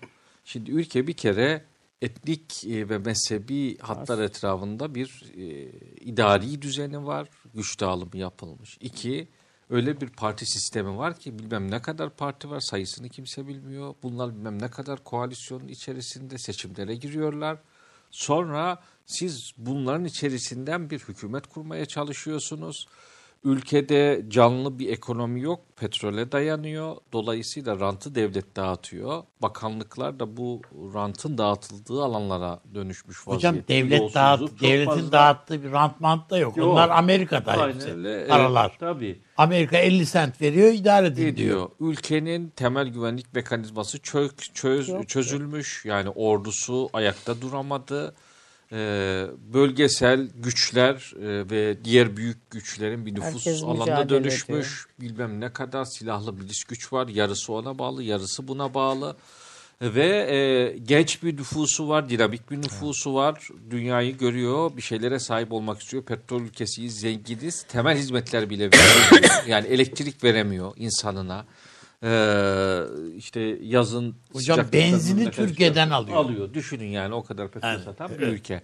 Şimdi bunun başına oturtulan adam dünyanın en zor işlerinden bir tanesine e, başına geçiyor. Çünkü pratik olarak e, yığılmış bunca sorunu çözebilecek bir güçle oraya oturmayacak ve e, dışarıdaki aktörler de bundan vazgeçmeyecekler. Şimdi buradan nasıl çıkılır? Buradan anarşiyle çıkılmaz. Yani anarşi demokrasi değildir diye o yüzden söylüyorum. Yani demokratik katılım önemlidir ama bu kadar yapısal sorunu çözmek için birine güveneceksiniz, bir programı destekleyeceksiniz ve o insana süre vereceksiniz bir şeyler yapacak. Bunların hiçbirinin olmadığı bir atmosferde ve bu kadar büyük jeopolitik mücadelelerin odağında olan bir coğrafyada maalesef e, hani böyle bir çıkış hocamın da bahsettiği gibi bir İmkansız, istikrar ümidi vesaire filan beklemek İmkansız. kolay değil. Ee, ve e, hani şunu da görelim. Peki hani nereye doğru evrilir? Yani işte Amerika oradan işte çıkmam diyor. Çıkmak da ayrı bir mesele. Yani şöyle Yani İran çıkana kadara gide kadar tabii gidelim. şimdi bir e, kurşun bir e, insanın tamam. bir vücudu delerken Yani- zarar verir, çıkarken de zarar verir. Yani kurşun Çıkacağını çıkarırken de vücudu öldürebilirsiniz. Amerika'nın çıkma kararı alması demek de Irak'ı bölme kararı anlamına Parçalama. gelecektir. Parçalama. İşte o referandum e, sürecinin bir şeyinin yeniden tekrarlandığı yani Bağdat'ta hükümet kurulamıyor bir başbakana görev verildi. Şöyle manşetleri düşünün 6 aya geçti kurulamadı. Turlar dönülüyor, şu oluyor, bu oluyor, başka kargaşalıklar filan. O arada birileri biz yeniden bir referandumu hani bilmem ne yapalım filan diye de piyasaya çıkabilirler. Dolayısıyla eğer istikrarsızlığın istikrar kazanması yönünde bir karar alınmışsa e, Türkiye'nin Parçalı bir e, Orta Doğu. kesinlikle e, işte 2017'deki filmin bir değişik versiyonunda e, yakın gelecek önümüzdeki bir, bir buçuk yılda belki e, görebileceğini de düşünebiliriz. Taşans hocam buyurunuz. Ee, efendim Irak konusu işte aslında söyledi hocalar da yani e, burada bir elitin olmamasıdır temel sorun zaten. Yani bir merkezi Irak hükümeti ve Iraklılık kimliğini ideolojik olarak topluma taşıyacak, aynı, aynı zamanda devleti örgütleyecek, devlet kapasitesini sağlayacak bir elitin ortada olmadığını görüyoruz. Amerika yaptı onu. Tabii merkezi Bürokrasiyi çöker. çökerten Zaten merkezi de Merkez çöker. işte bu hep söylenen şeydir işte bağısı çökerttik o yüzden Irak'ta şu an yeniden yapılanmayı sağlıyoruz Burada da aynı mazereti kullandılar. Hani Ee, neden Esad'ı düşürmüyorsunuz? Ya ondan sonrası garip Sonra olur böyle falan. olur. Sonra böyle ya. Sonra öyle oldu ama daha öyle önceki de ne kadar meşruiyet sahibiydi, ne kadar zaten o ulusal tutunumu sağlayabiliyordu onlar mesele.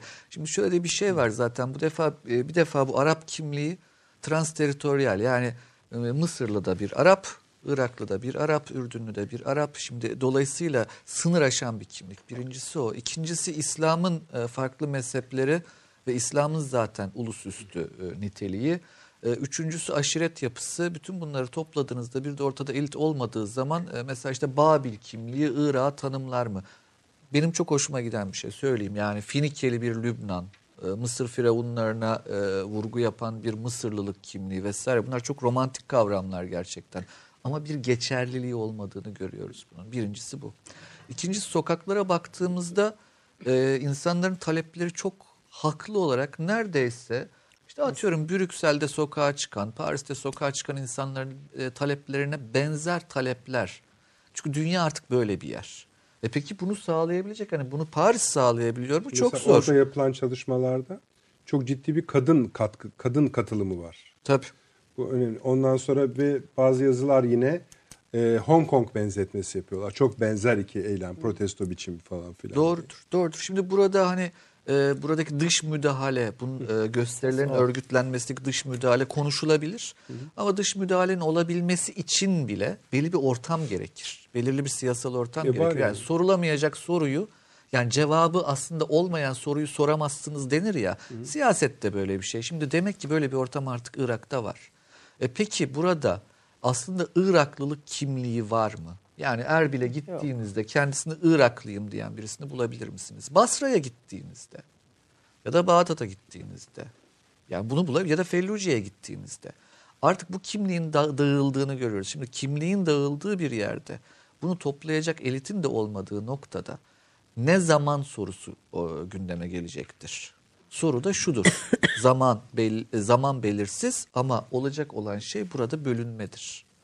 Bu bölünmenin olacağı aşikar ama ne zaman olacak? Nasıl hangi koşullarda olacak? Uluslararası aktörler bu konuda nasıl anlaşacaklar? Ne zaman anlaşacaklar? Yani nasılını ve zamanını bilmiyoruz. Ama hem Irak için hem Suriye için bunun çok kuvvetli bir senaryo olduğunu, çok olası, muhtemel bir senaryo olduğunu e, artık hepimizin kabullenmesi gerekir kanaatindeyim.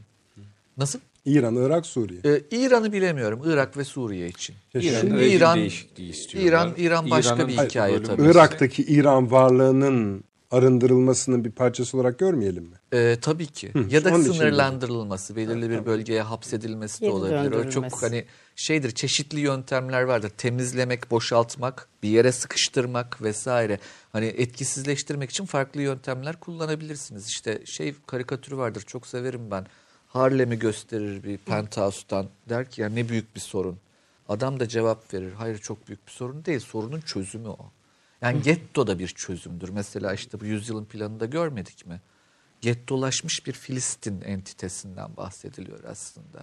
Yani dolayısıyla hani o Irak'a dair farklı senaryoların konuşulup görüşüldüğü artık Evet hocam e, da rejim değiştirecekler. İran'da dedi. Ama Yok biliyorsunuz şu an, şunu söylüyorum. Amerikalı- Ee, şey, İran'ın öyle şey bölünmesi istemiyoruz. değil. E, yani arzu edilen şey Amerikalıların vesaire falan İran'da rejim değişimi. Hı, İran Çünkü İran'ın bölünmesi demek O bir e, facia. Tabii. tabii bir Türk Bütün kuşağı bölge. çıkarır.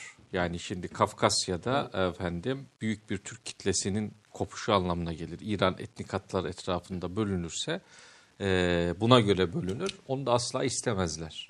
Türkiye'nin de biz- istediğinden. Biz, biz de istemeyiz. Biz de Biz de istemeyiz istemeyiz. tabii daha Hocam. Ya bu iste, Bölgeyi. çok affedersiniz hocam bu isteyip istememe meselesi biraz önce hep onu anlatmaya çalıştım. Çok konjonktüreldir. Yani siyasette hakikat, mutlak hakikat diye bir şey söz konusu değildir. Yani e, bugün için baktığınızda tabii ki istemeyiz denebilir e, yarın bir gün bunun koşulları oluştuğunda da ben buna ayak direrim anlamına gelir mi acaba bu? Acaba ne demek istiyorsunuz? E, şunu söylemeye çalışıyorum. Yani Suriye ve Irak Hocam konusunda da hep bu konuşuldu yani çünkü. mani zahil olunca memnu avdet eder yani. Tam da Elbette bu. o ayrı Yani bir şöyle şey. yapalım diyorsunuz benim anladığım. Yani İran'daki Türk varlığına ilişkin Türk politik dış politikası her zaman hassastır. Doğru. Yani Evet. oraya fazla İşte bu. Hı hı. İşte budur. Bu. Yani bu, ama bu- gün gelir mi?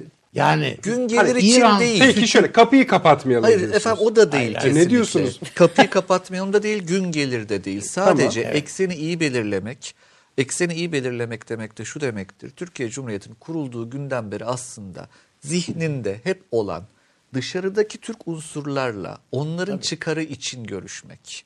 Bakın onların çıkarı için görüşmek dediğiniz zaman kavga edemeyeceğiniz bir düşman bir ülkede sizin Türk kitleniz varsa eğer o ülkeyle iyi geçin ki onların e, hayatı daha güzel biliyorsunuz geçsin. değil Ee, tabii. Peki. Abi bir şey mi diyeceksin abi? yani ben de yani Ya şimdi mesela Taşansı Hoca'nın süt, süt bozulana kadar İran sütü bozulana kadar ağzımızı açmayız. Tabii ki. Aynı Tabii. Ama ki. süt Açmamalıyız bozulursa zaten. o zaman iş değişir. yani bence de şöyle. Yani Belucistan bir tarafa gider, öbürü bir tarafa giderse yani yapacağın bir şey kalmaz yani. Peki. Kapanın elinde Bence kalacak şöyle diye bir şey yok. Avni Bey siz Bizim dış kabahat. politika yorumu yapın ama iyi ki diplomat olmamışsınız. Üçüncü. Yok yani değil yani. İyi ki gazetecisiniz öyle söyleyeyim. Ama yani bizim e, Fatih Sultan Mehmet işte Uzun Hasan'la savaştı değil mi yani? E ondan sonra Akkoyunlu. Ak, ta, Akkoyunlu. Tam savaşın e, olduğu yerde bir anıt var. Türk olmanın bir özelliği bu. Yani Fatih'in o anıtta yer alması gayet normaldir.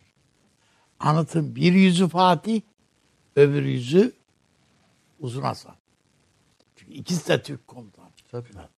Peki. Yani, Bir şey mi söyleyeceksiniz? Aynı şey Şah İsmail ama- için de geçerli tabii. Ha, Aynı şey. Yani o başka bir şey tabii ki. Avni teşekkür ediyorum. Yani Hocam sağ olunuz eksik olmayınız. Taşans hocam iki defa teşekkür ediyorum. Sağ Çok olunuz. teşekkürler. Sağ Size olun. de eksik olmayınız Nurşin Hocam. Efendim gece saat 2'de tekrarımız var. Belli bir yerde yakaladıysanız ya da seyredemediyseniz sonuna yetiştiyseniz yarın YouTube keza biraz sonra sosyal medyadan gelen bütün mesajlarınızı okuyacağız. Ee, onları üzerine tefekkür edeceğiz onu söyleyelim. Sizi de şeyle veda edelim efendim. Şimdi Trump azle, azledilmekten kurtuldu ya önde de seçim var. 2020-24 oluyor değil mi Taşans Hocam? Öyle olması gerekiyor 4 yıllık. 20-24. Tabii kendisi buna ilişkin bir perspektifi tweet olarak attı. Onun videosu var. Onlarla da size o görüntülerle de size veda edelim. Bakalım Trump ne kadar iktidarda kalmayı düşünüyor kendi hesabına göre. İyi geceler efendim. Salı günü saat 21'de görüşmek üzere.